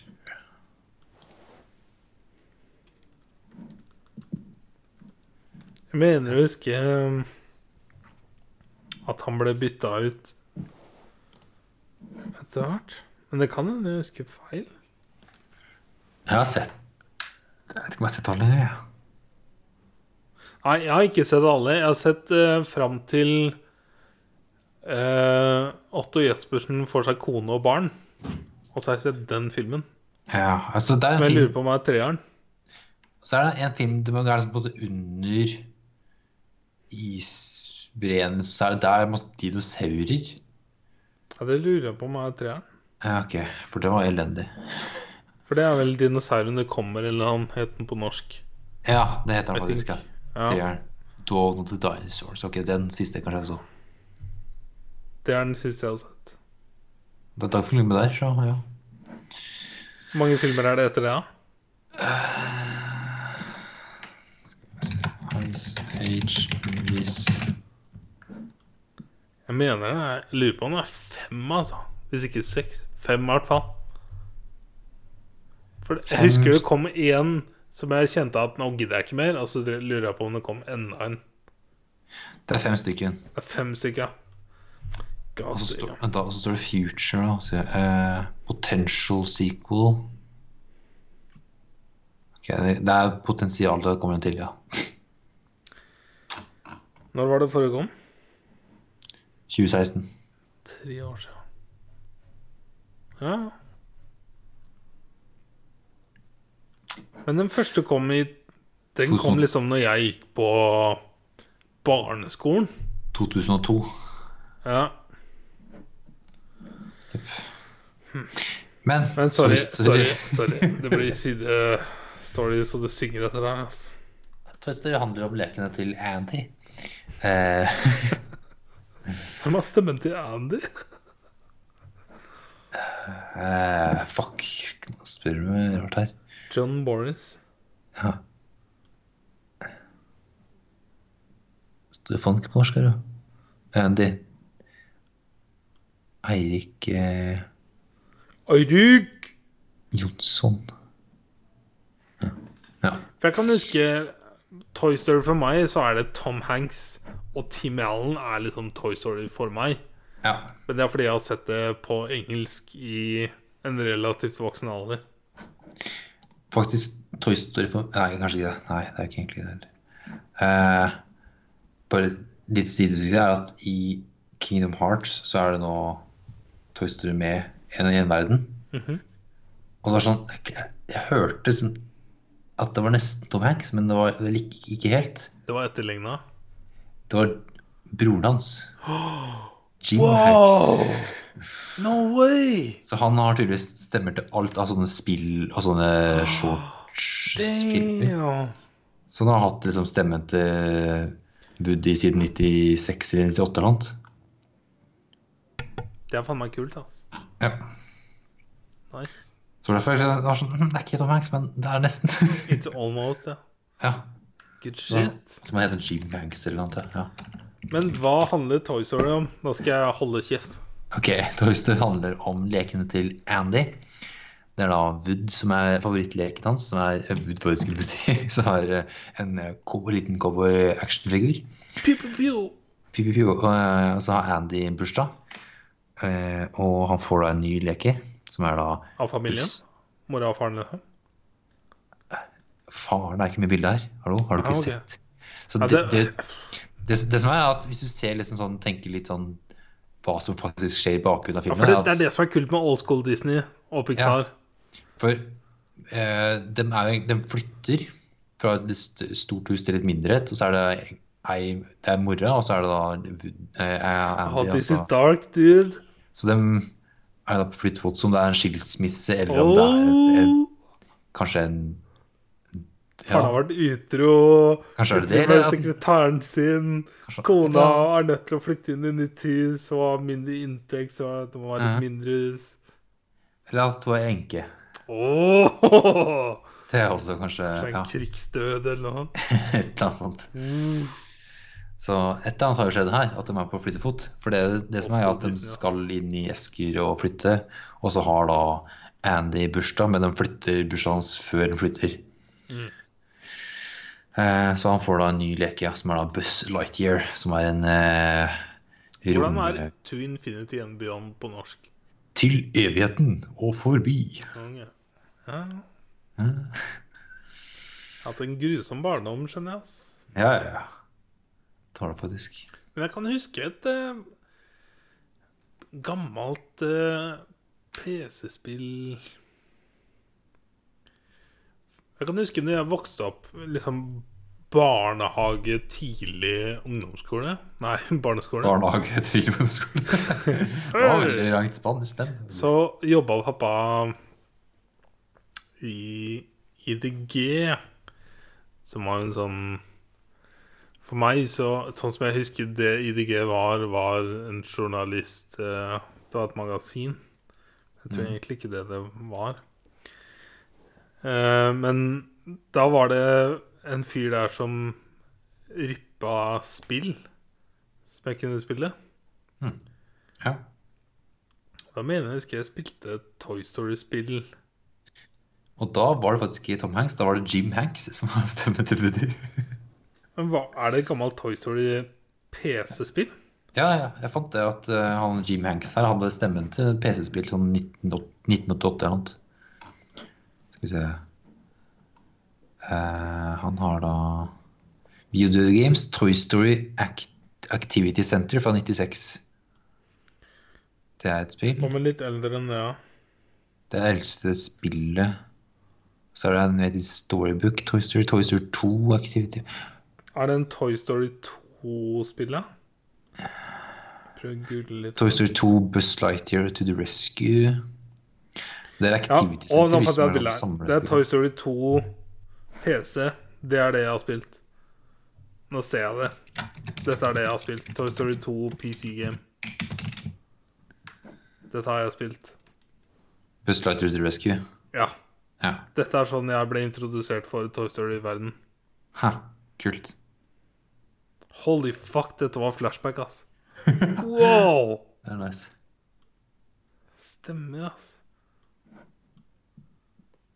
Så Han eh, gamle kollegaen til fatter'n har rippa spill han, han tror jeg, Når vi kjøpte Xbox, så tror jeg også han satte inn en harddisk i Xboxen med sånn 500 Xbox-spill. Der. Jepp. Oh, Så jeg var fucking spoiled på den tida, ass, med, med gaming. Herregud. Jepp. Gode gamle dager. Men ja, Tidssyke igjen. Sorry. Anywho, så For da er det en ny leke. eh, Buzz Lightyear. For jeg Eh, kjenner liksom Woody her på at han er redd for å bli replaced som favorittleke. Er det det ja. det er det det går ut på? Ja, ja. For Andy har liksom alltid elska Woody og har liksom plakater og er liksom løper rundt med cowboyhatt sjøl liksom, og sånt. Ja. Og så kommer det en ny leke, og han er litt mer han er, Buzz Lightyear er utstyrt med litt mer sånn fancy ting. Han har vinger og kan fly og alt mulig rart. Eh, så du blir mer og mer plassert i esker, og det er da Buzz Lightyear som er den nye favorittleken. Dette er så lett å relatere seg til, altså. Hadde du Actionman når du var yngre? Eh, Jeg hadde mye Actionman.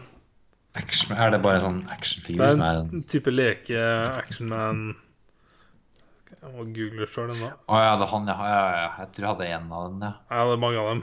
Ja. Dette var liksom the shit. Ja. ja. Oi, jeg prøvde å google, det var ikke det Eh, Ja, whatever. Det var liksom en sånn serie. Jeg kan huske spesielt en på en sykkel, som Ja. liksom var det shit. Yeah. Og Jeg kan huske når jeg fikk nyere leker, at uh, At gamle leker ble mindre interessante da. Ja. Så det er det Toy Story da treffer så Ja. godt. da Jepp. Uh, og Woody gjør en uh, litt sånn slem ting med at han døtter uh, ut av vinduet. I det, ja, og så kommer da Andy og skal liksom ta med seg en leke. De skal til uh, pizzaplaneten for å spise pizza, tydeligvis. Pizzaplaneten. Og han leter da etter Buzz men han finner den ikke, så han tar da med seg Woody. Right. Uh, uh, og da, når de kommer sånn halvveis fram, da finner vi vel ut at Buss er fortsatt Eller er med på turen. Og En annen ting med Buss er jo at han tror han er faktisk en rom, romspeider, eller hva han kaller seg, Og ikke en- og ikke en leke. Så han skjønner ikke, da. Han skal liksom drepe bad guys, han. Eh, Men så kommer det som avveie av eh, Andy og familien, så det blir, blir stranda. Men eh, de hopper inn i en sånn derre eh, Der du kan vinne leker med sånn derre klo. Så du kan plukke leker. Sånn derre ja. Og der kommer han nabogutten Sid og klarer å vinne både Buzz og Woody. Fikk du lov å spille sånne spill når du var yngre? Ja, Jeg fikk ikke lov. Mamma og pappa var bare det bortkasta penger. da ja altså det var mye på Jeg husker jeg var på Momarken. det. Jeg husker bare Ski Storsenteret. Så var det sånne Ja. der du kom inn. Ja. Jeg fikk Sånn, aldri lov. Sånn som jeg ikke- husker det, så fikk jeg aldri lov. Ja, nei, jeg tror ikke jeg var borte på dem så mye, nei. Men Momarken husker jeg, det var- jo dritmange. Ja, Det, er- det var hele greia med sånne tivolier. Ja. Det var jo artig. Gjorde Stranger Things sesong tre enda bedre. Ja. eh, ja, nabogutten side. ja, tar den, dem blir jo tatt med til han. Han er jo en klin gæren liten gutt som er klin gæren. Som driver og ødelegger alle lekene sine. Eh, Fucking psycho dude, ass. ja, psycho-fucka. Eh, så kommer han seg vekk derfra og skal tilbake til Andy, men det er da på flyttedagen, så det, Andy og familien og alle lekene flytter jo den dagen. Mm. Så han må løpe etter flyttebilen.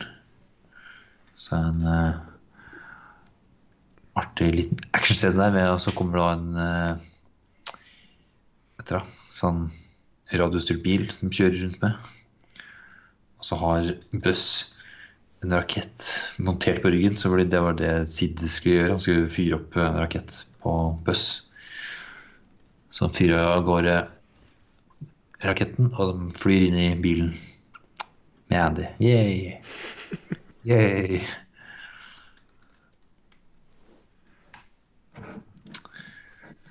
Så levde lykkelig alle sine dager. Ja, det beste jeg veit, er du beskriver barnefilmer. Ja.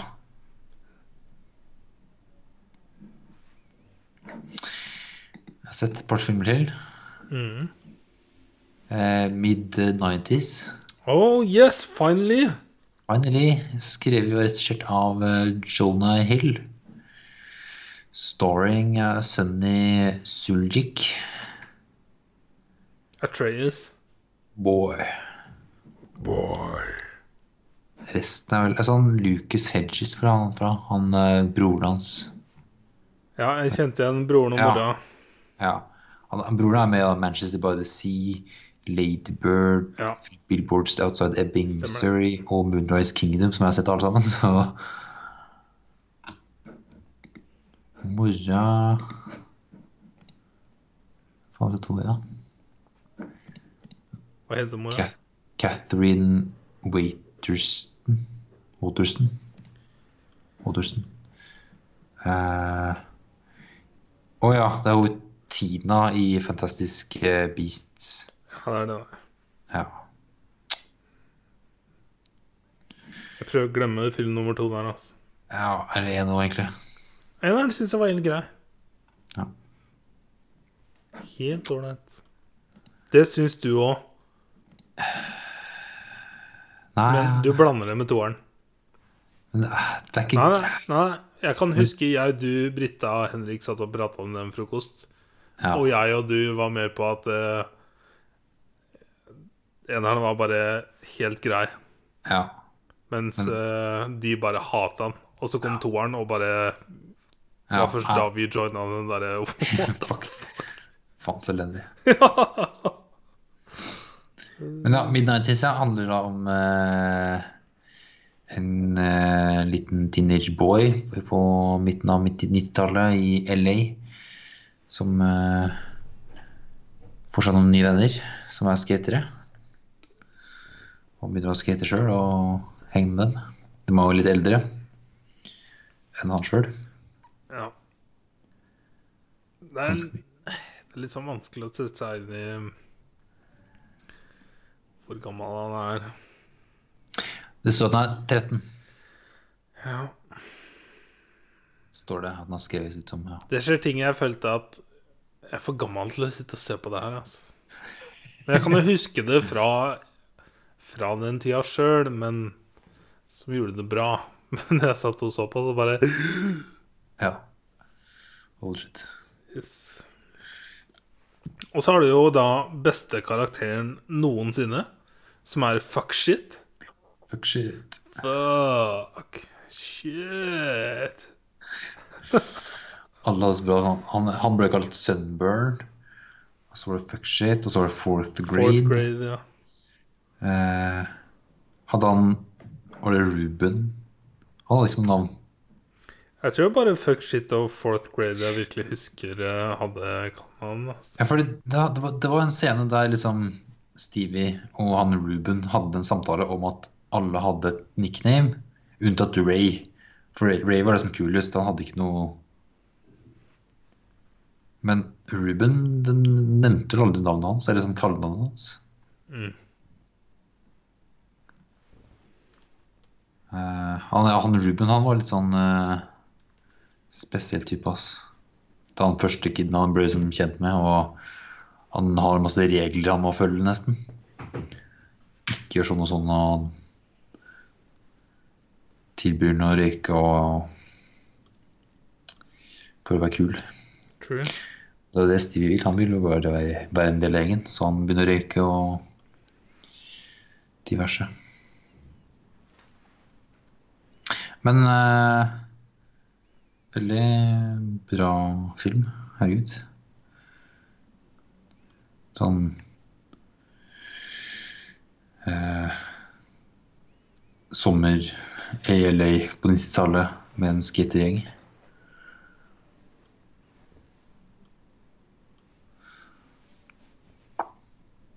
Yes.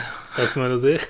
Nei, altså det er veldig sånn simpelt at han Jeg ville, jeg ville ikke si noe nå, så jeg for å prøve å Ja, se hva Nei, du ville si. altså han Jeg vet ikke hvordan han har la oss bare si med at hvordan, hvordan det er filma Ja. Det er 4-3-format her, så det er veldig sånn up close personal med alle shotsa her. Med, Jeg følte bare det dro meg tilbake i tid. altså. ja. Det er veldig sånn med, Dette er ikke noen film som virker som det er spilt inn i fjor. Nei, det kunne sett ut som det var fra 90-tallet.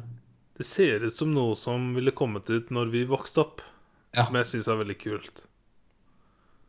Hvis du liksom Faktisk, det er sånn så glemmer du liksom hvem som faktisk står bak filmen, som gjør at det, det er grunnen til at jeg så filmen, Mm. som er Jonah Hill. Men når jeg så den, så bare Holy fuck, I'm, I'm a kid again. Ja. Som var jævlig digg. Og så er det liksom hvor For jeg, kan, jeg var jo aldri i den situasjonen, men jeg kan huske hvordan det var å være kid og så liksom se opp til de som var eldre kids, og bare hvor kule de var. Og hvor uoppnåelig det var å komme på det nivået. Og så følger du en kid som faktisk kommer opp på det nivået og joiner den gjengen. Men det gjorde aldri jeg, så jeg vet ikke Jeg klarer ikke å relatere meg til det, men det er kult å se. Men spesielt når han prøver seg på dette trikset fra tak til tak. Dette med å og Oh sånn. Det er så drøyt, ass! Han triner så jævlig, og detter jo ned fra tak, liksom. Dukker ned og begynner å blø som faen.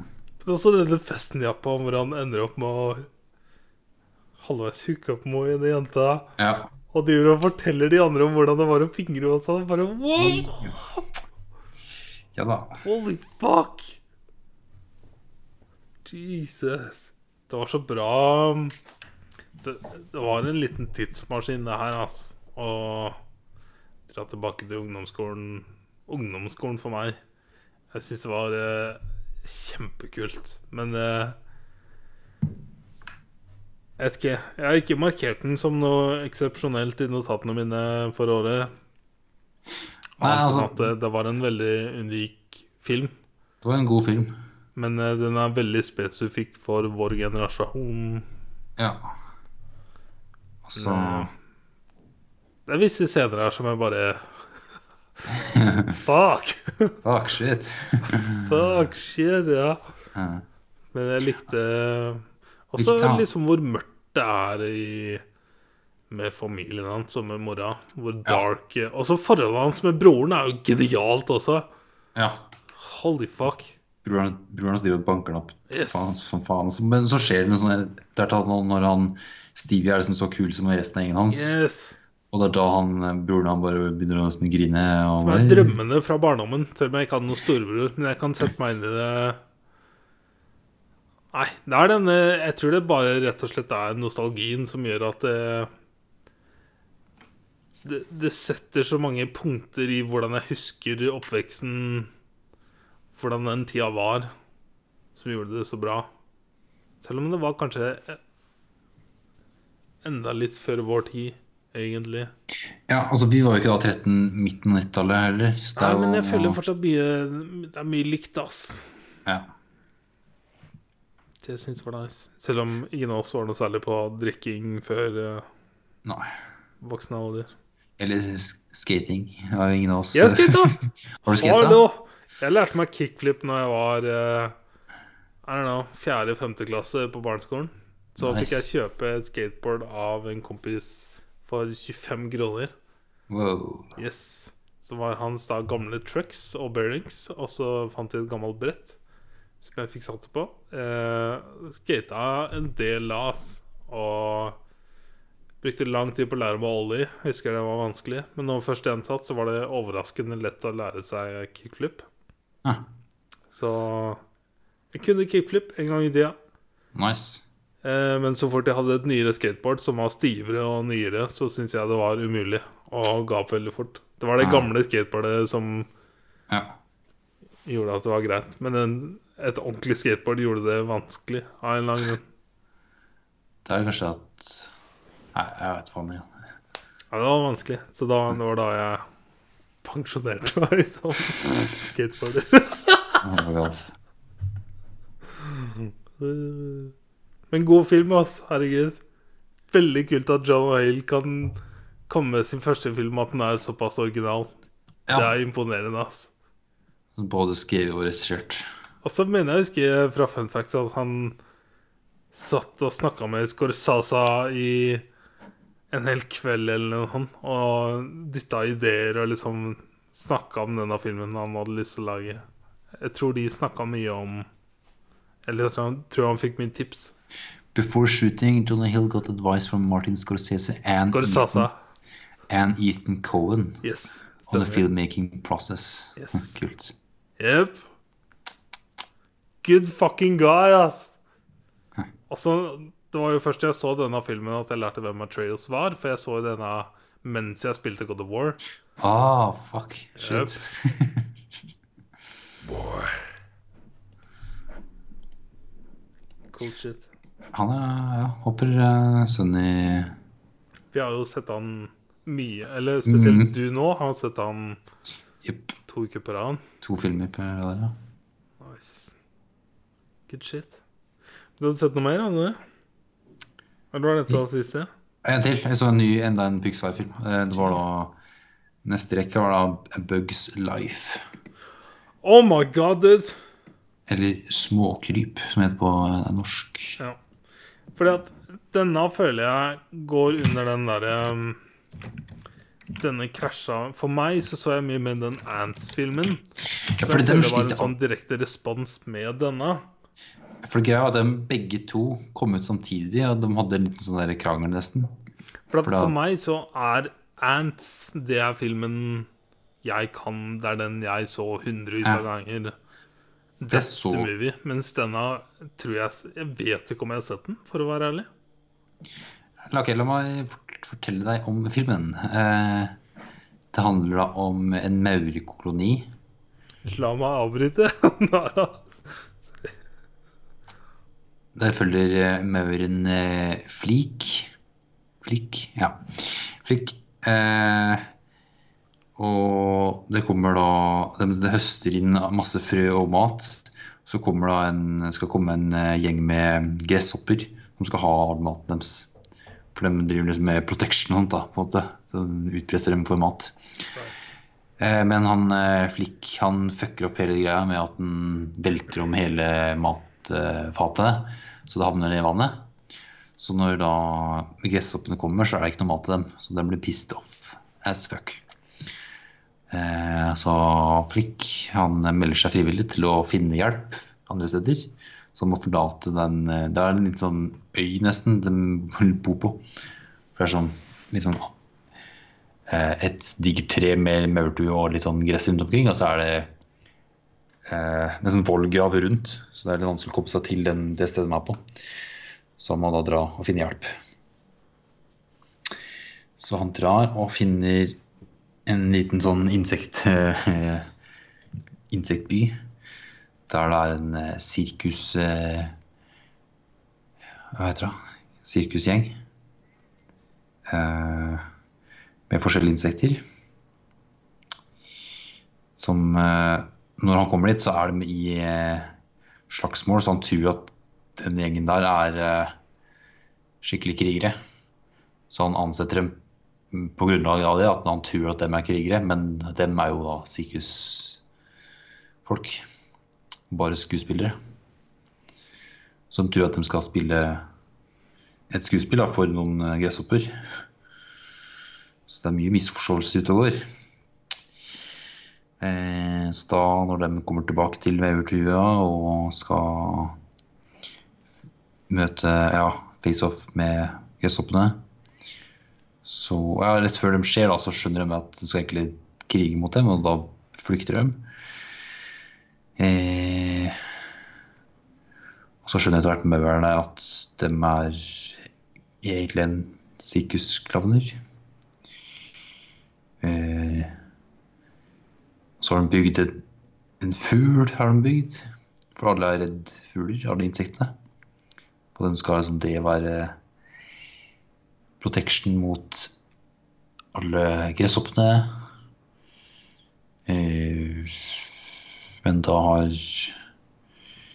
sirkusklovnene og han hovedmauren Flikk, de har da dratt. For de har blitt kasta ut av resten av maurene. Eh, men de kommer da tilbake til utsetting når da alle de eh, gresshoppene tar og tar hele maurtua til fange og skal drepe hoveddronninga. Så kommer til utsetning og slipper løs. De har laga en, en fugl av løv som slipper løs den og skremmer livskitten ut av eh, gresshoppene. Den ble satt fyr på, så det går ikke bra. Og så eh, klarer de etter hvert å stå sammen, da, alle maurene, for de er mye flere enn de gress- gresshoppene. Så da klarer de å ta overtaket og kaste ut hele jiggen med gresshopper. Og så lever du lykkelig alle sine dager. Yes. Det er så gøy å høre du forklare gamle, gamle barnefilmer. Ass. Det er herlig, ass. Ringte det som bjeller? Hadde du sett den før? Nei. Men da, du føler liksom nå at du har sett den, ikke sant? Ja. Ja. Men jeg kjenner at eh, Ants er liksom filmen for meg. Fordi ja, jeg, Jeg tror disse filmene kom ut liksom innafor en måned av hverandre eller noe. Ja, ja, ja. Det var liksom akkurat de samme Ants kom i 98, og Smakerup i 98. Mhm. Så da ser er det oktober, 2. oktober mot 25. november. Det er sånn, ja, en måned. Mm. Jeg har sett begge. Men Ants er lenge sett, ja. Men, Jeg tror eh, ikke jeg har sett A Bugs Life. Never ever.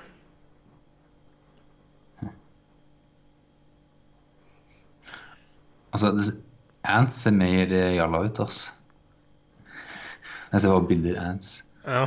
Dette, dette er random, men på barneskolen så slash ungdomsskolen så um, lånte jeg en en VHS, for de som husker hva det var, til en kompis, som var da um, Agent Cody Banks. Ja. Nei, vent da. Motsatt, kanskje. At jeg lånte A Bugs Life til han. Og så fikk jeg Sånn var det. Jeg lånte bort den, fordi jeg hadde sett den så mange ganger. Og så Ja, fikk sånn, jeg låne Agent Cody Banks tilbake ja. eh, i mange år. Så han så Bugs Life mange ganger, fordi jeg hadde sett den mange ganger. Og så så jeg Hva mener jeg ikke sant? Cody Banks. Nei. Eller- Ja. ja, ja. Sorry. Ja. Ja. Mm. Eh, men jeg husker at i Agent Cody Bank så er det Hilary Duff som er dama som er Ja, for det er han uh, Malcolm in the Middle. Yes. Ja, faen, det er lenge ass. Jeg Har sett den med flaut mange ganger. Ja. Han liksom kjører en Ferrari som første bil og sånn. ja, ja. Å, er så flink, ass! Og så har han en sånn height handler. Det er Harald Svart som har laga den filmen der, ja. Yes, stemmer. Holy shit, holy shit, sant det. Damn. Det var Hilary Duff, og så har du hun derre Jeg jeg vet ikke hvem hun skuespilleren er, men hun handleren hans Og husker jeg liksom var bare så flott. Hun kom liksom inn i garderoben som du liksom kan sette deg inn i når du går på ungdomsskolen. da At en så heit dame hadde kommet inn i garderoben på ungdomsskolen og skal ta deg med, liksom. Jeg husker hvor utrolig kult det var å se. altså det er sikkert en jævlig dårlig film, for alt jeg veit. Men eh, i min nostalgi så er den fantastisk. Ja. Fem, av, fem ligger den på IMDb. Men har du ikke en sånn relativt Har du ikke Bad guyen, er det Ian McShane? Husker jeg feil? Eh, Ian McShane, ja. Ja, det er Ian McShane. ja. Ja. Jeg mener du husker at det liksom Det var ålreit. Altså, jeg hadde han fra et sted når jeg så American Gods. Det Det var Agent Cody Banks.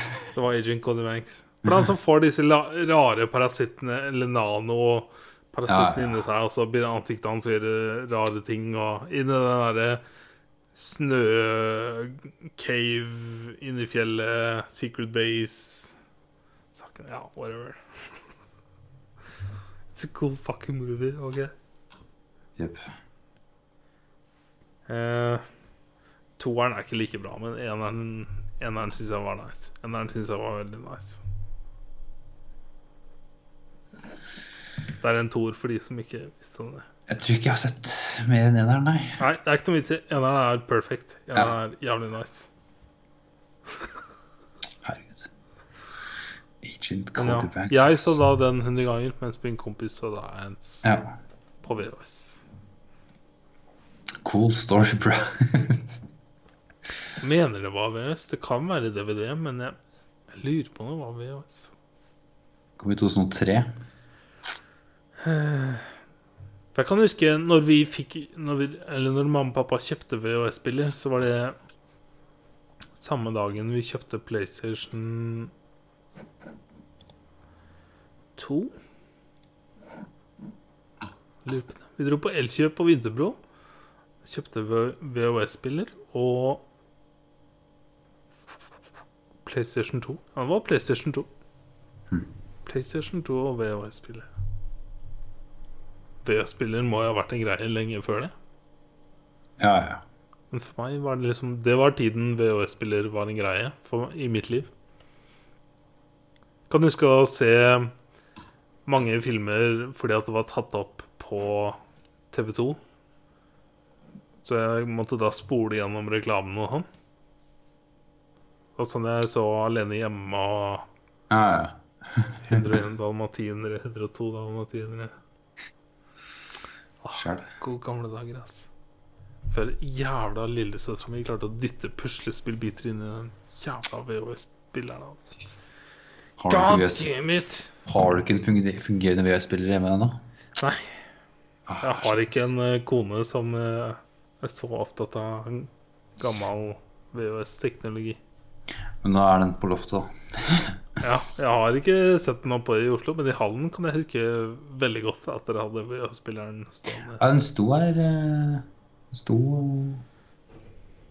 Sto her i Oslo fram til uh, Ja, det var vel til Henrik jeg lånt, ja, Hun har lånt eh, PS4 til Henrik. Det er der hun bytta vel ut. Ja.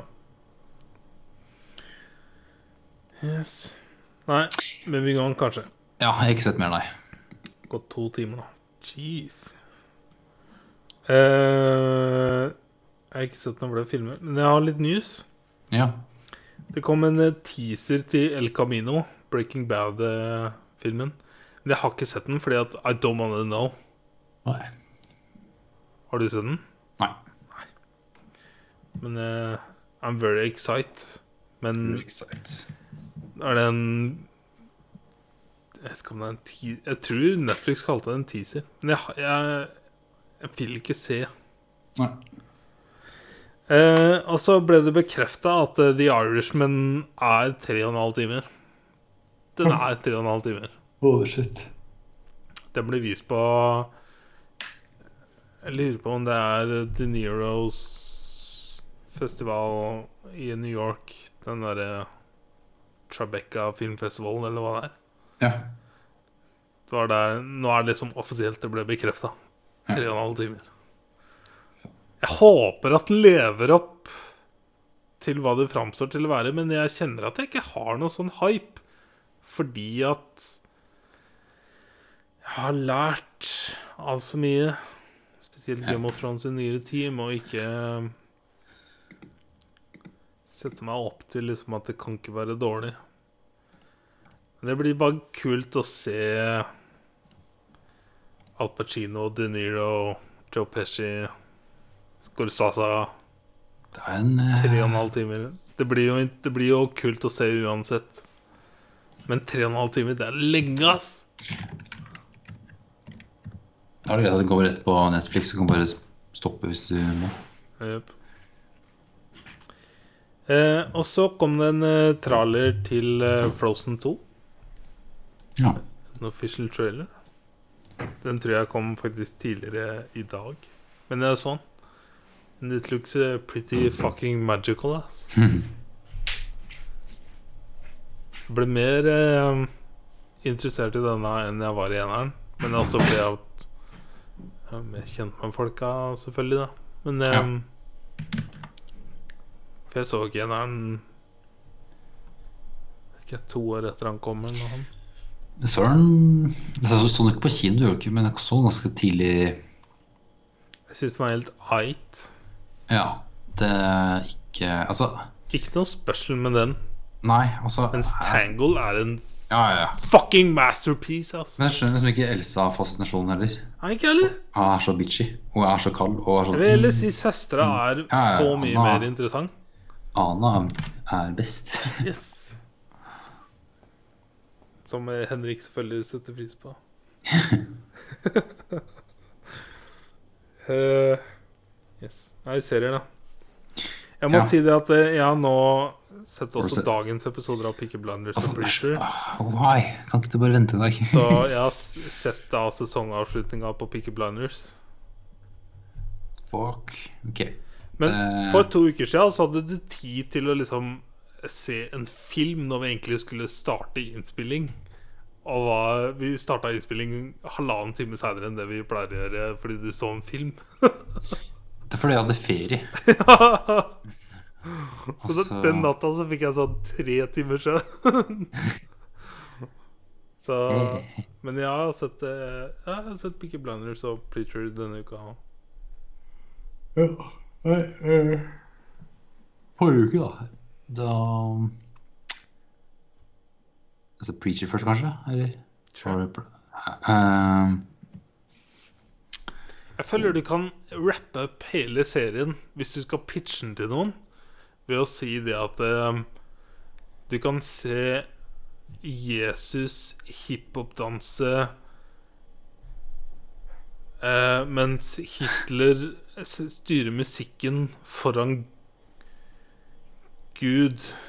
Eller for å liksom jeg er Allfather. eh, Og, eh, Ja, eller liksom for å pitche at dette er en Ikke bruk Messiah, bruk meg. ja. Jeg er riktig Messiah. Hvis du bruker den at Jesus hiphop-danser mens Hitler backer den opp for å Foran en fyr for å pitche liksom til Gud for at jeg kan være Der, der har du preacher i nettkabas. Helt sjukt. Helt sjukt. Det er fucking weird, ass. Episoden der så var sånn Det skjedde, og Det var så gammel låt, da. Ja. Den derre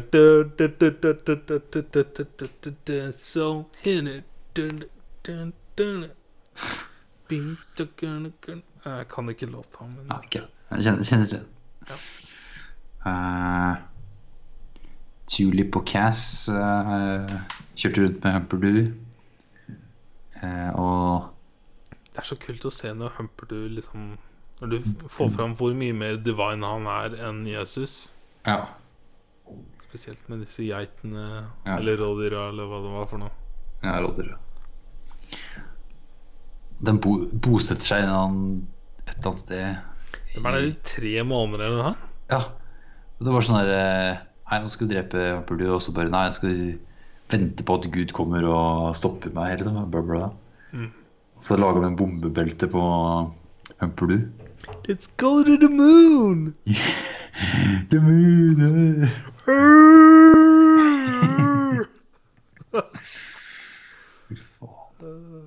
Og så liker jeg så godt forholdene mellom Cassidy og Humperdu. Ja. Det er litt sånn Far det sønn. Ja. Cassidy, ass. oh my god. Cassidy er den beste rollen, syns jeg. Ja, her òg. Uh, Jesse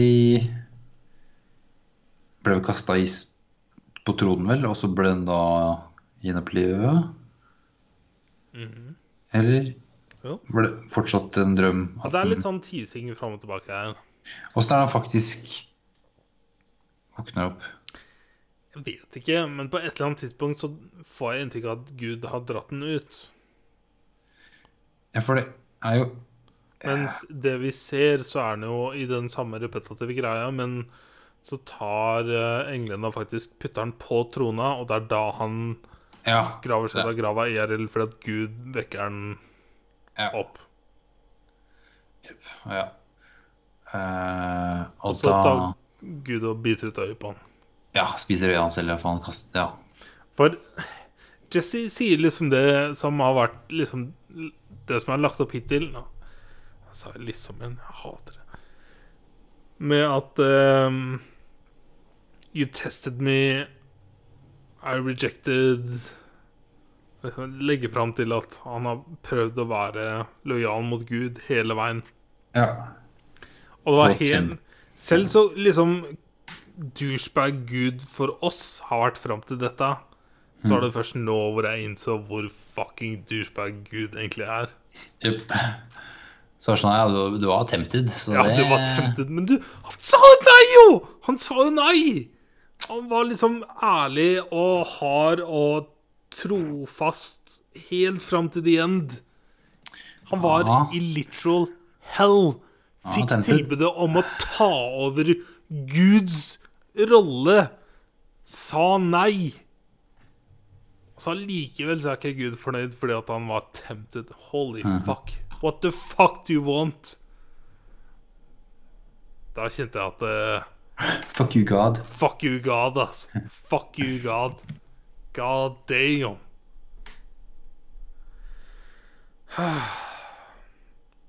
Jeg tror det er derfor jeg skiller på dette her med Jeg husker jeg lærte det er en forskjell på å være agnotisk og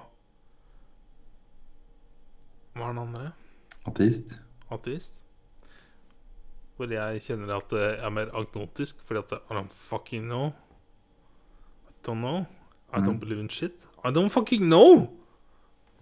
Som jeg føler er lettere å kjenne seg igjen i enn den derre at det er en gud, men jeg, jeg tror ikke på han. Jeg tror ikke på han. I don't believe. Jeg kjenner mer at I don't I have no clue. I have no clue.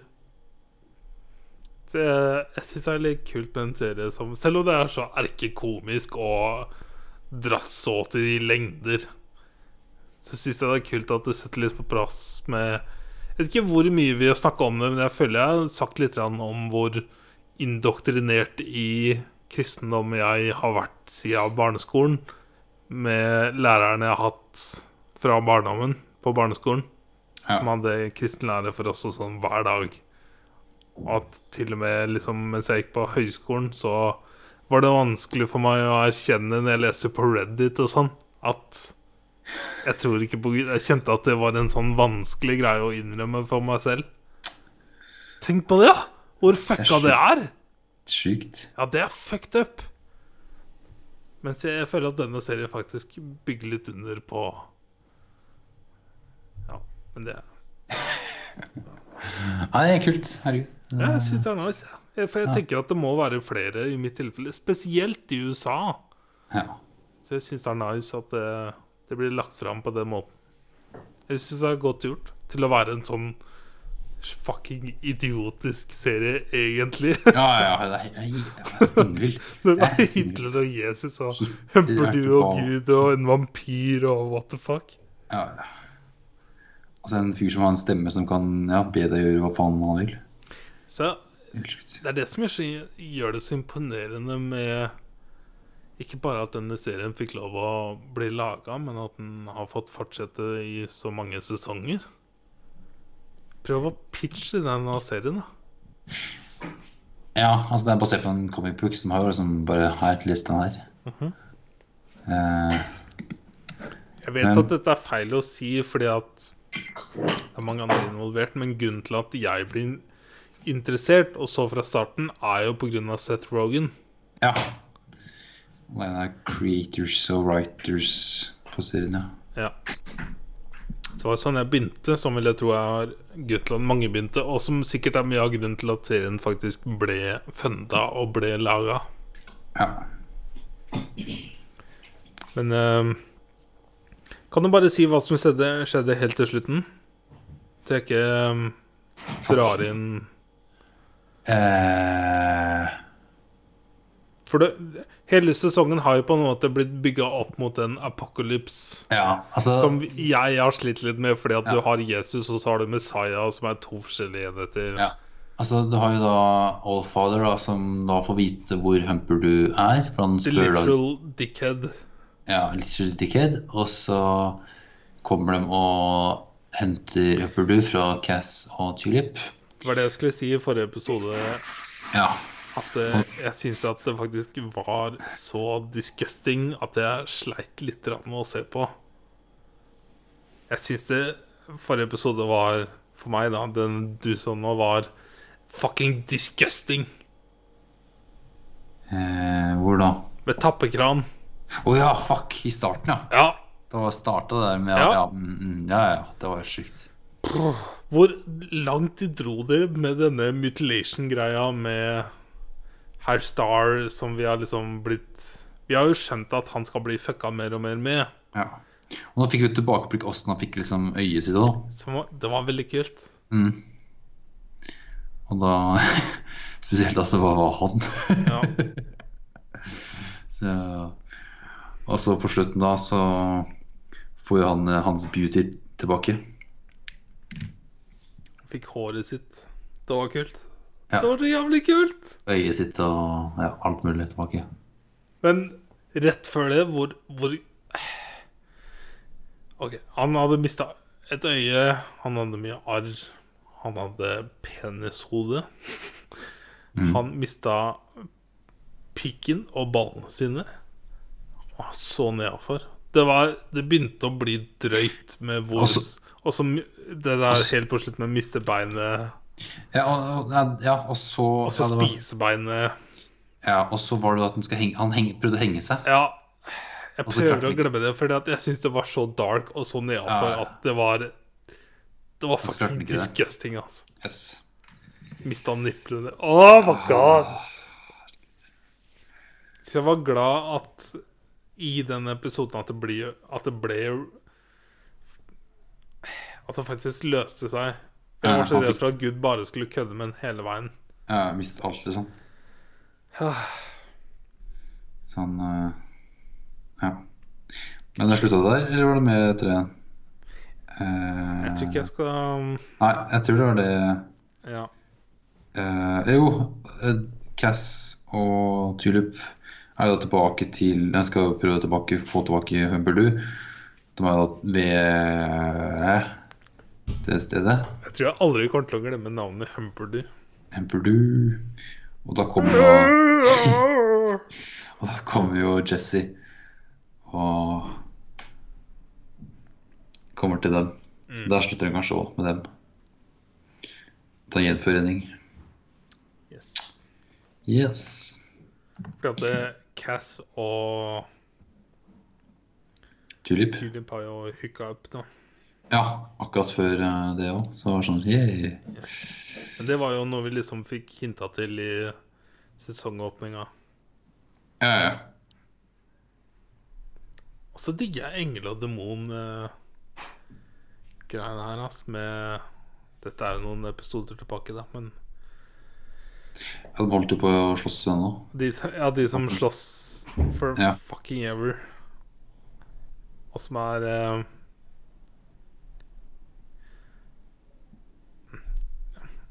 Der. Ja. Ja. Uh, Peaky. Peaky fucking blinders!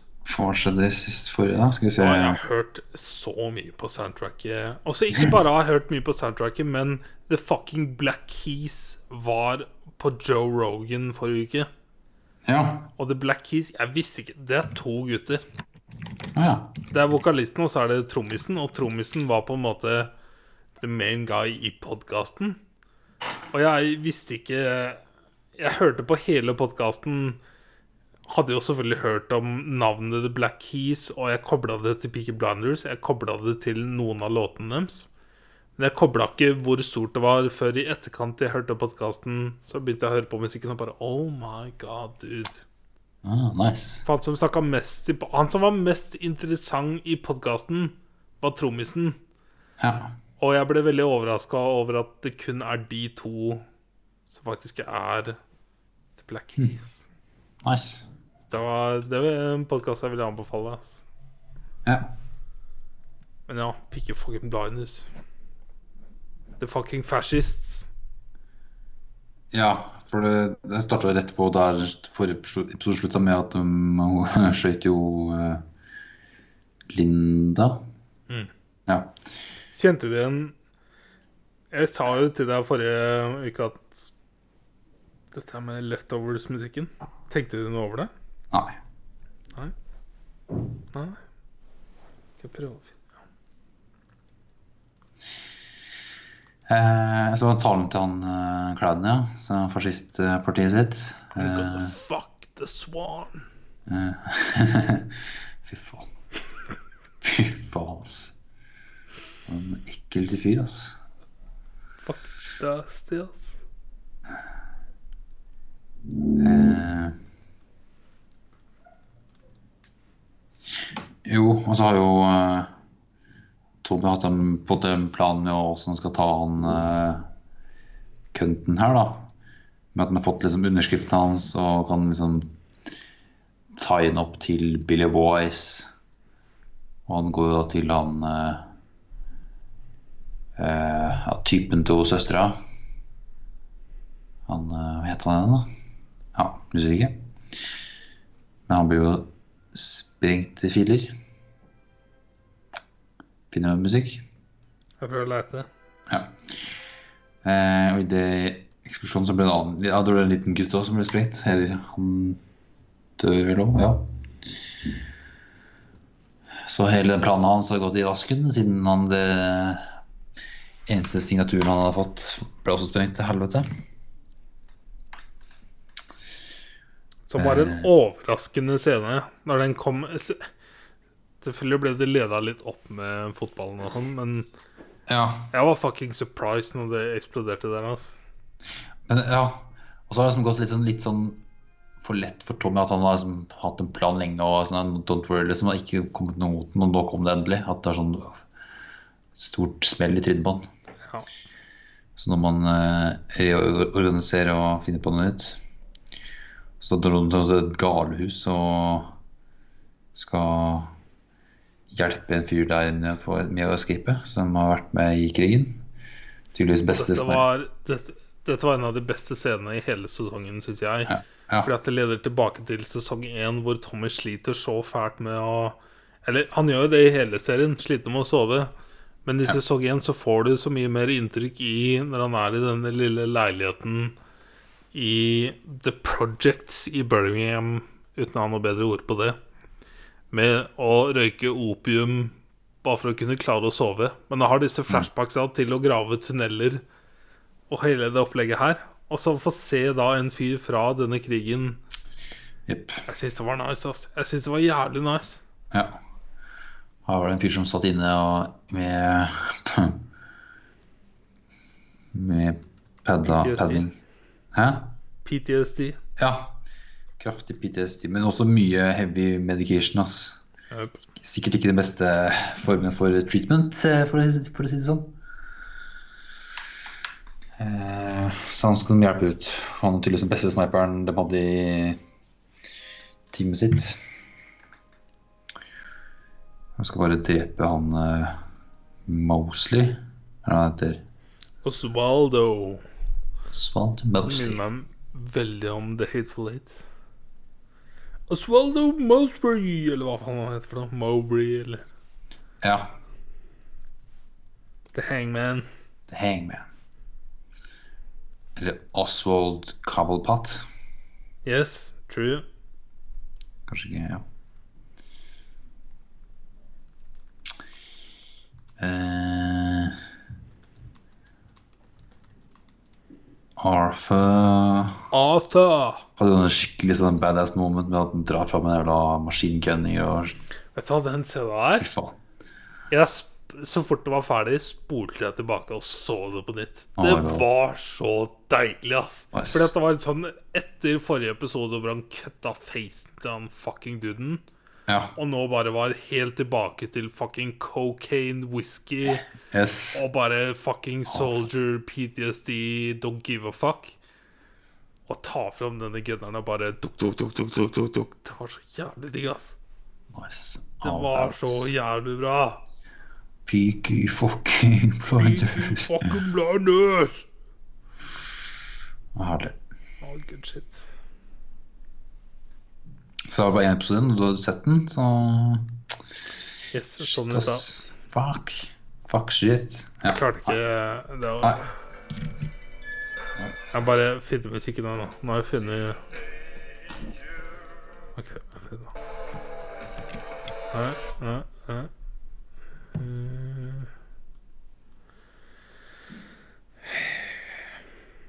Du tenkte ikke over det, altså?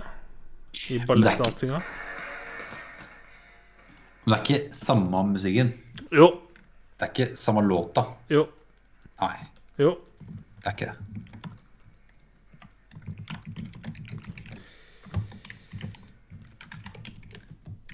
Tviler jeg på.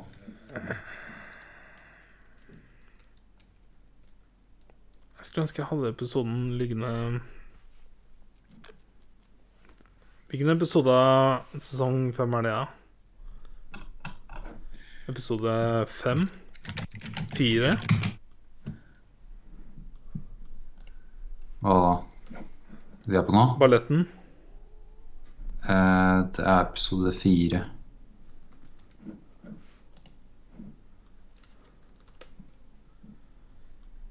Eh, skal vi se Eh, Skal vi se,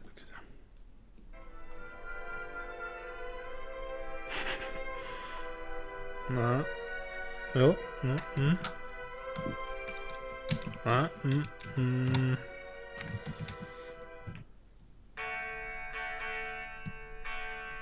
Mm, mm.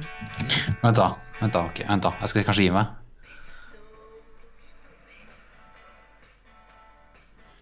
Fuck. Har du funnet noe? Eh, vent, da, jeg må finne Jeg får finne ut hva Dona Her!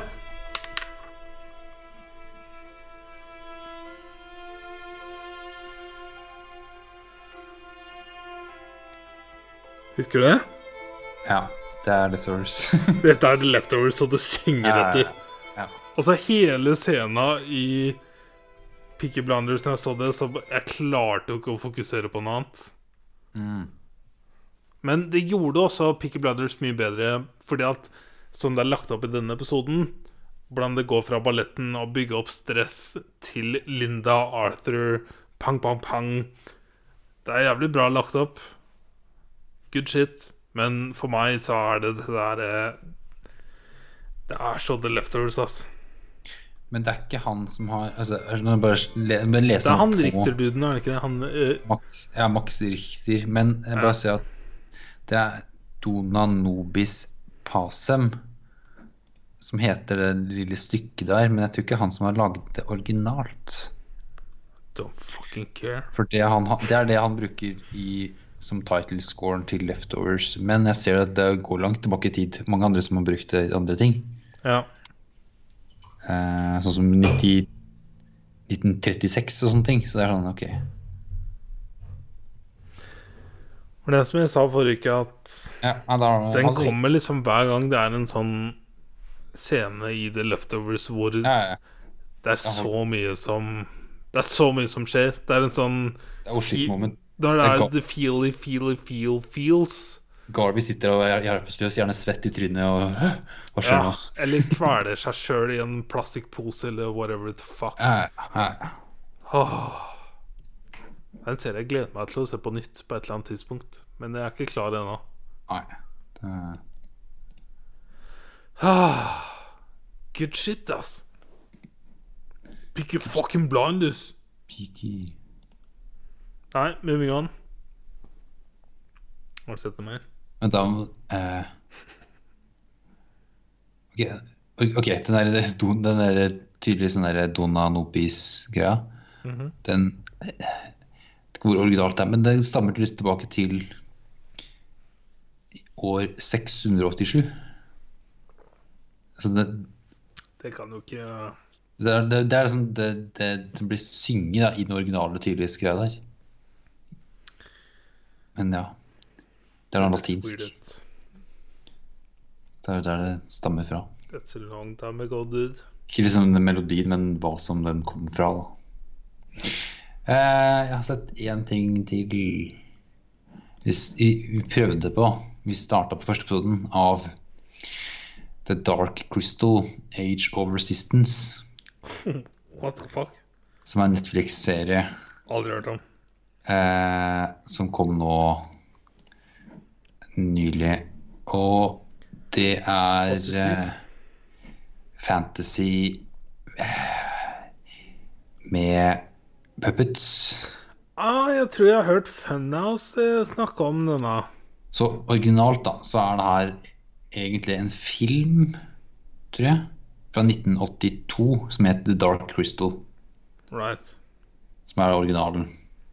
Eh, så nå har de laget en, jeg tror det er en prequel, tror jeg, til filmen. Mm. Vi så halve første episoden, eh, for det her er veldig merkelig. Jeg tror det Jeg tror det er veldig dratt mot Altså, jeg har lest Det jeg vet om denne serien, er tre tweets fra folk i Funhouse. Ja, Fordi at de har vokst opp Eller Ja. noen av dem har vært så forelska i den originalfilmen at denne serien har vært sånn holy fucking shit. Ja det er det jeg tror at det er. Du må like liksom filmen. Rett og slett hatt det, vokst opp med det og hatt det i nostalgi-feelinga. Det sitter i DNA-et ditt. Ja. For det blei liksom for teit, følte jeg. Ja. Vi hadde de puppetsa og Det ser, det, De har skapt en bra verden, og det ser liksom bra ut, men det, til syvende og sist er det puppets. Ja. Altså, en, eneste puppet-filmen jeg har sett som er sånn hilarious, er jo Team America. Fordi det er jo hilarious med Har ikke sett Team America. Men her blir det sånn, her skal det være sånn Her skal det være en fantasiverden, og det er forskjellige raser og masse rart som skjer, men uh, Mm. Nei, det ble for rart. Lov å prøve seg. Ja. Vi prøvde. Det er det jeg har sett, da.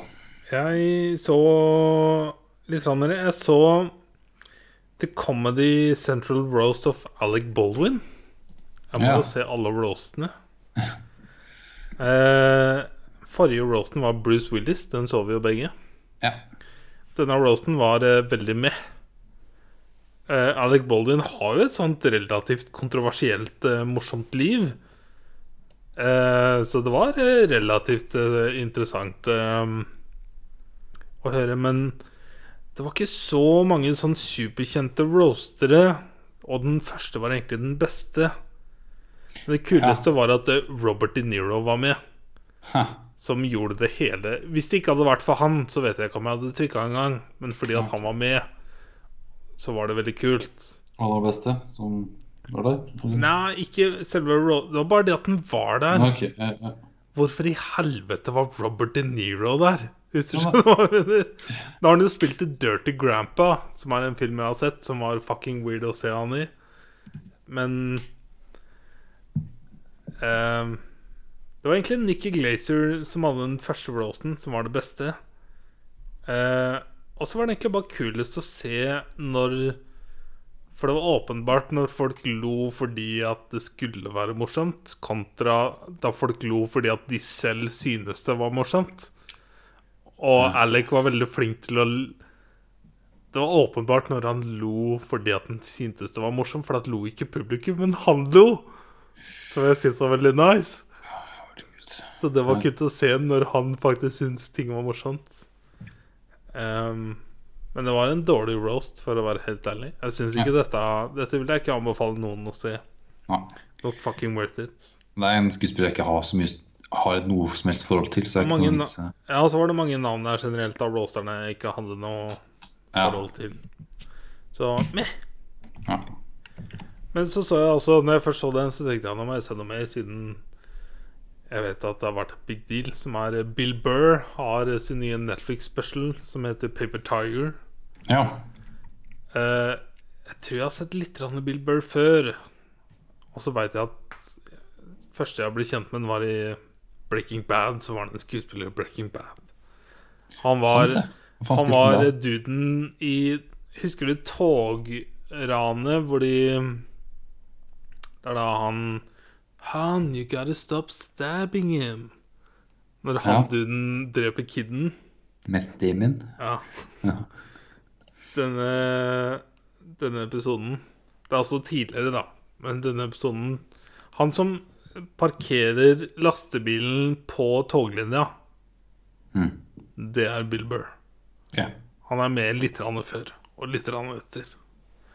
Men det er Bill Burr. Ja. Men han skal, han skal være en av de beste komikerne ever. Sammen Ja, med Dave Chappelle. Jeg tror jeg ennå ikke har sett et helt show, men jeg har sett mye klipp og mye sånn, Ja. sted, sånn Når jeg har vært på mye talkshows og snakker om Ja. ting og sånn. Så Dette det er en av de store. Dette er en av legendene. Ja. Dette er en av de som går opp og I don't give a fuck. Uh, han Det var veldig kult. Han uh, teipa specialen sin i London. Som er litt weird når du er en amerikaner. Uh, for det er et helt annet publikum. Og de fleste standup-komikere sine specials de siste åra har vært veldig politisk pga. situasjonen i USA. Mm. Og det er det fortsatt nå, men Bill Burr drar det mer på alt som er litt mer universalt, med metoo og feminist og disse tinga, som er lettere å dra litt mer globalt ja. enn dette spesifikke USA-politiske situasjonen. Uh, jeg har aldri sett noe særlig av Bill Burr. Jeg har sett den på Joe Rogan et par ganger. Jeg har sett den på uh, Ethan og Hila sitt podkast. Ja, var det nylig? Eller Ja, men jeg så den et år siden nå, han. Oh, ja. Og da måtte jeg faktisk stoppe, for jeg syntes det var så awkward. Ah, Det var grusomt. Shit. Men det var åpenbart at eh, Ethan og Hila var så fans at de klarte Ja. ikke skille på dette her eh, med å være blodfans og være på samme nivå. Ja. Så de klarte det ikke, så det var så awkward, så jeg måtte bryte av. Men han var nå ny Han var nå med nylig på grunn av, for å pitche dette. Eller for å Ja. fremme Paper Tiger. Og det var en mye kulere episode. Det var veldig nice. Det var mer sånn åpent to par, fordi at Ethan og Hila har jo fått barn nå siste året. Mm. Og det var liksom flere ting å kjenne seg igjen i, og det var mer jordnært, da. Ja. Um, og så var det jo igjen var, på eh, Joe Rogan for å pitche Paper Tiger. ja Åssen var Paper Tiger? Det er Oh. Jeg er jo veldig spesiell når jeg kommer til standup-komikere. Fordi at For det første har jeg ikke sett så mye av det. Og for det andre så føler jeg komedie, spesielt standup-komikere, er veldig personlig med hva du Hva slags humor du har. Og så kan jeg se Sånn som Ricky Gervais, så ser jeg jo at objektivt så er det veldig bra standup. Men den den specialen du så for et par Ja. uker siden, så ser jeg at objektivt så er det veldig, veldig bra. Det er jo Du- sinnssykt bra objektivt.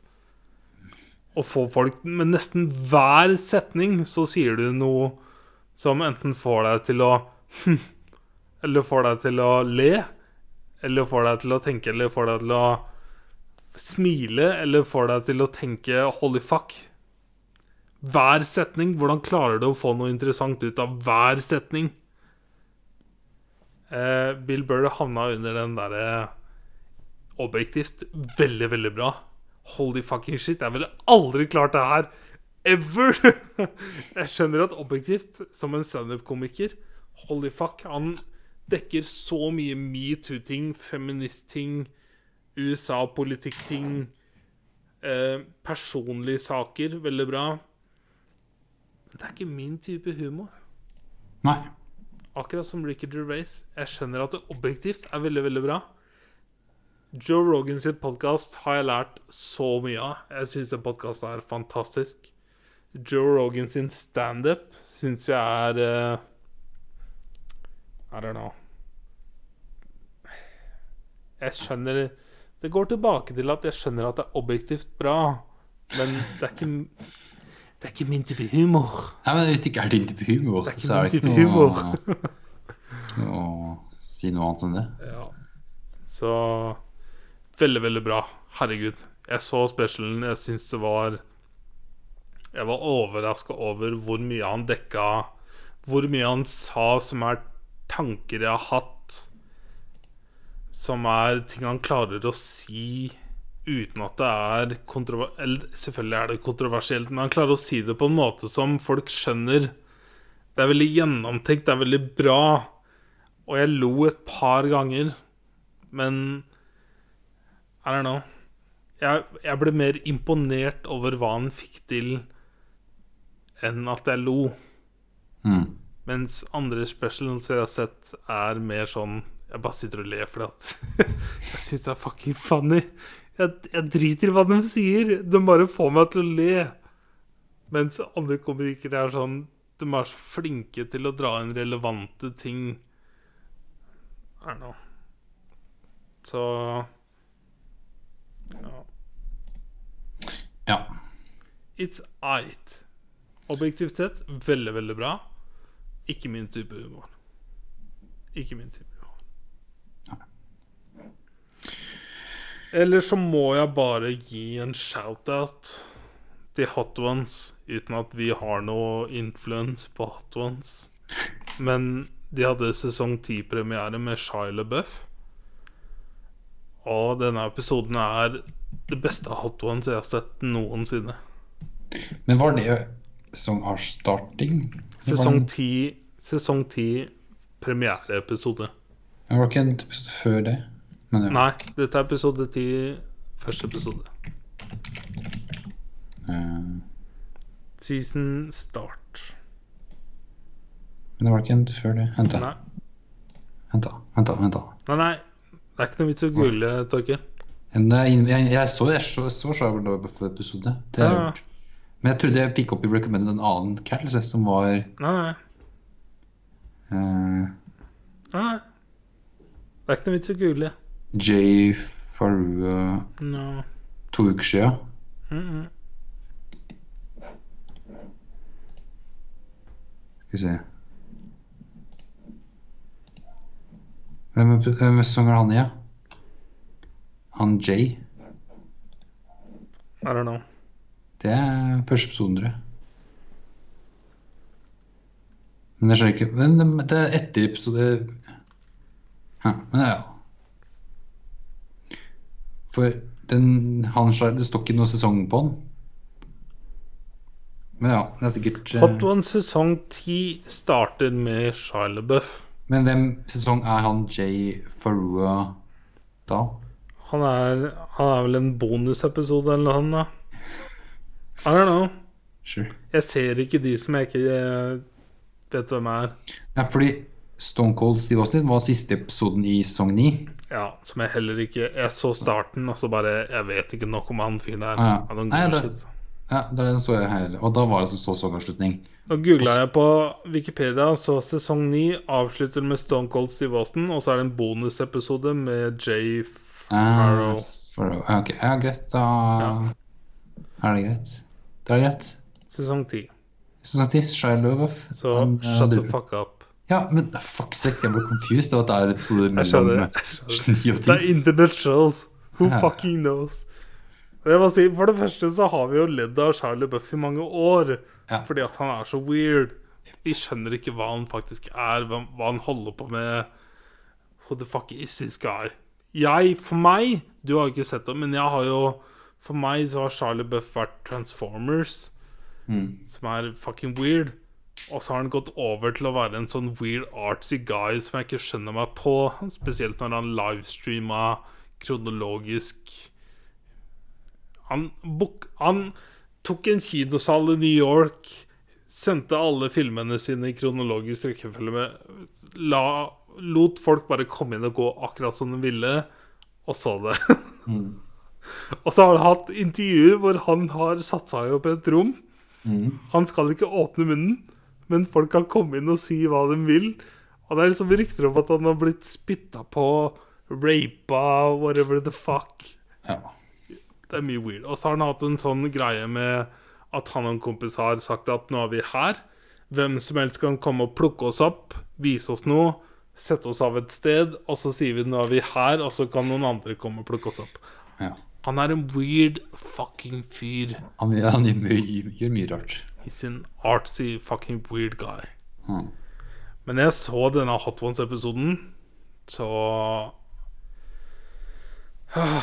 For det første så blir jeg så glad over at de første to minuttene så sitter basically Charlie Buff og praiser Sean Evans med hvor flink intervjuer han er.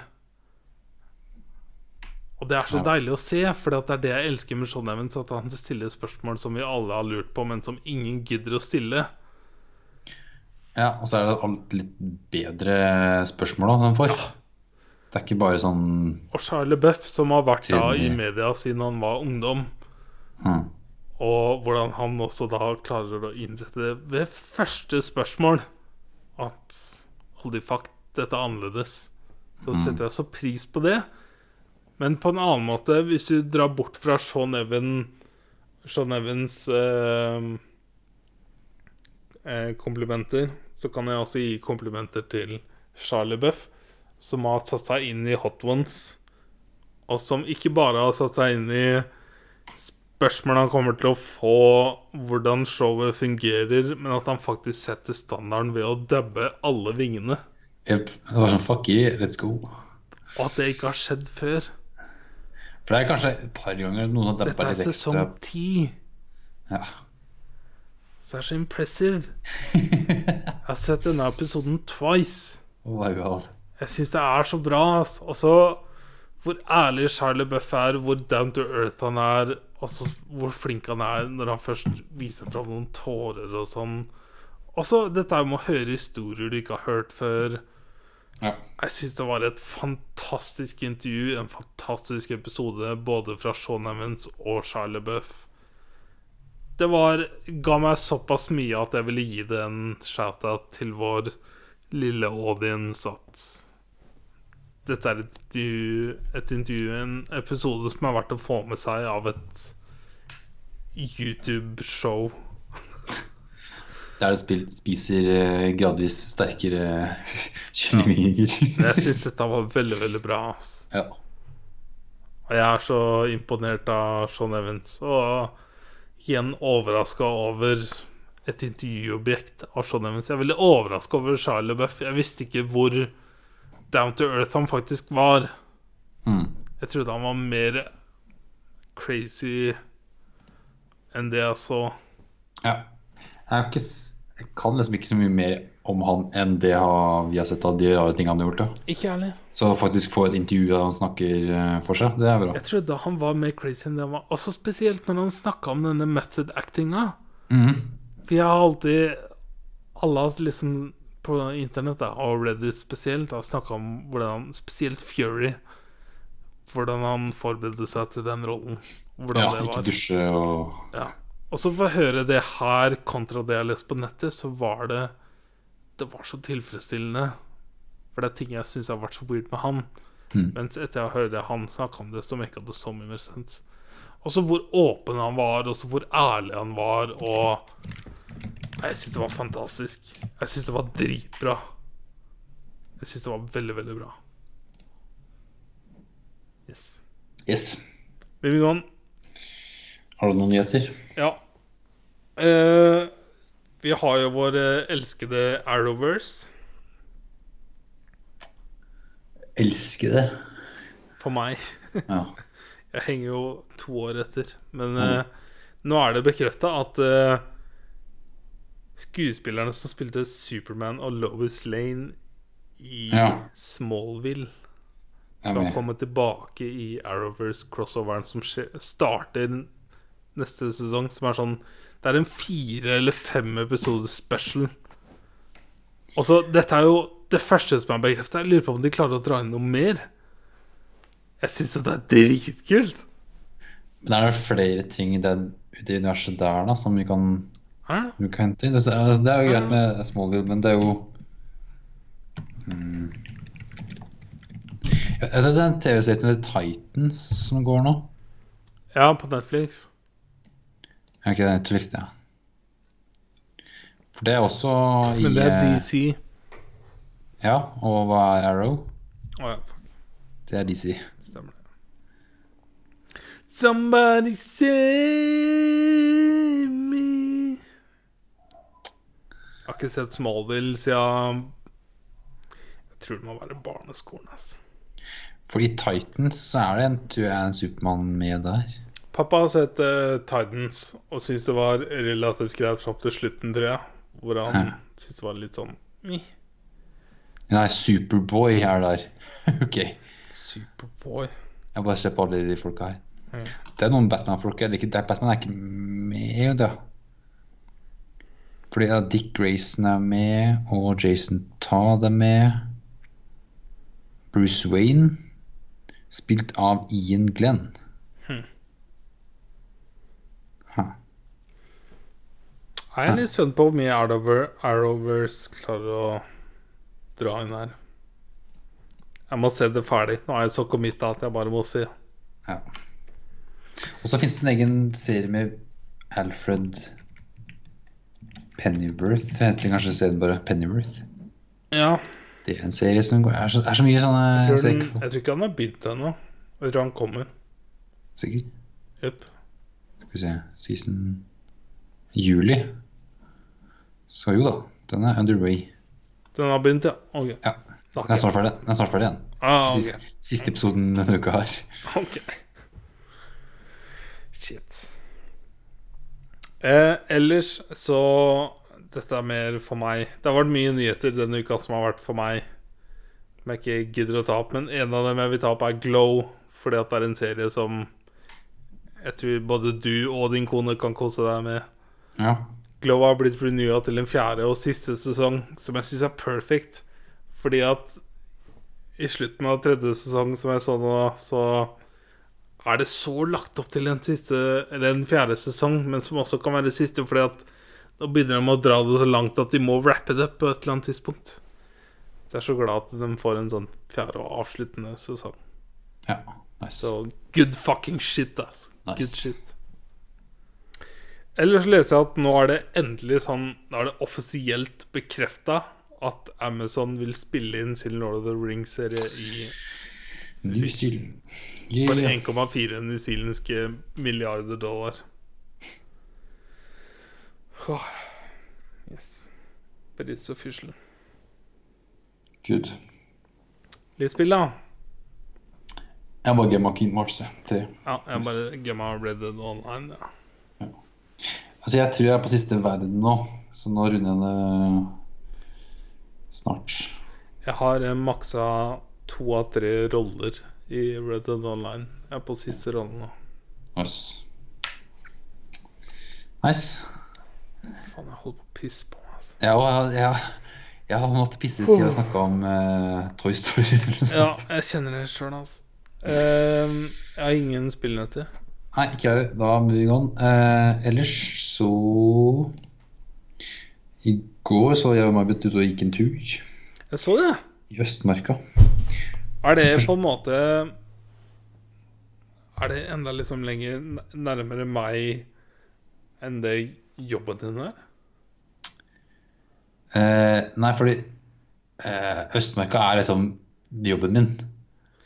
Ja, men det er enda lenger sørover. Nei, altså, vi dro Vi tok bussen til jobben min, og så det- løypa starter sånn 100 meter fra jobb- jobben min.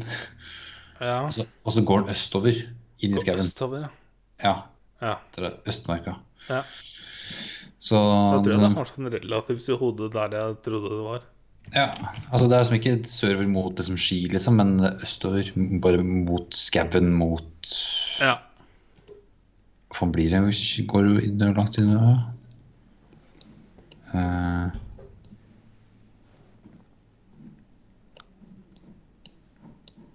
da kommer det til Øyeren etter hvert, hvis du går langt nok. det er et stykke. Ja. Men ikke, ikke sånn, nei. Eh, vi gikk eh, Vi var vel sånn Starta sånn i tolvtida å gå, og så med to pauser. Og så kommer vi tilbake igjen til busstoppet, som var vel brukt tre og en halv time, tror jeg. Ja. Det, ja. Så vi gikk over mil. Så vi gikk sånn der Dæven tøtte. 12 km, kanskje. That's a lot. Jepp. Og skau er som opp og ned, opp og ned. Altså, mm -hmm. ja. ja, det var veldig fint vær. Veldig, veldig fint vær. Så det er artig og gått i skauen. Jeg har vært på båttur. Tok inn båten. Tok inn, ja. Kjørte litt båt. Nice. Det er så spennende jeg har gjort. Nice. Ellers så må jeg bare pisse som faen. Ja. For jeg brukte den derre ut.no. Der finner jeg masse turforslag og stier. Mhm. Jeg vet ikke om du har brukt den før, jeg. Eller vært Ja. inne på den. Nei. Det ikke Hvilket turkart og den. Ja, ok. Er det en greie? Ja. Turkart.no. Sikkert mye av det samme. Ja, Østfold, ja. Ok. Ja. Jeg tror jeg er spesifikt for Østfold, det. Ja, brått. Ja, for jeg gikk inn på turkart.no, så kom jeg rett inn på Østfold kart maps. Ja. Mm. Turkart Østfold. Yes. Eh, lekser til neste gang. Ja, please. Faen, jeg må Det- også pisse. Det er helt sykt. Det blir uh, Deer Hunter. Ah, damn! Det var sto mellom denne Legend of 1900 og Stand By Me. Og det blir Deer Hunter. Og spill, da blir Deer det Hunter har ligget i iTunesen min ja, ja, til sånn iTunes. kjøp i mange måneder. Og den er fortsatt ikke ferdig kjøpt. Liksom. Å ja. å- å ja. Ah, Ja. ah, Og det er sånn litt over halvveis. ja. Og spill blir da The Surge. The Surge Ha. Ja, det vet du vel. Det ble vi enige om i stad. Ja, jeg bare... Det bare skapte litt illusjon om at det var spennende. Yes. Eller var det gle- glemte? Ja. The Search. Ja. Nei, nå Mest sannsynlig ikke mitt type spill. Nei. Men Vi får se. Kanskje, kanskje det er det. Vi får se. Kanskje. Du må si fra om The Deer Hunter om du får tak i noe på iTunes. Ja, jeg Så må vi ende opp med den samme situasjonen med at du må kjøpe for meg òg. Vi får se. Jeg har den, jeg. Du har den, ja. Remastered. Ja, det er den jeg kjøper. Mm. Men det har brukt lang tid, altså. Mm. Yes. Yes. Må gå og pisse. Da må vi pisse begge to. Yes. Eh, takk for oss. Takk for nå. Takk for alt. Ha det bra. Goodbye! Ha det.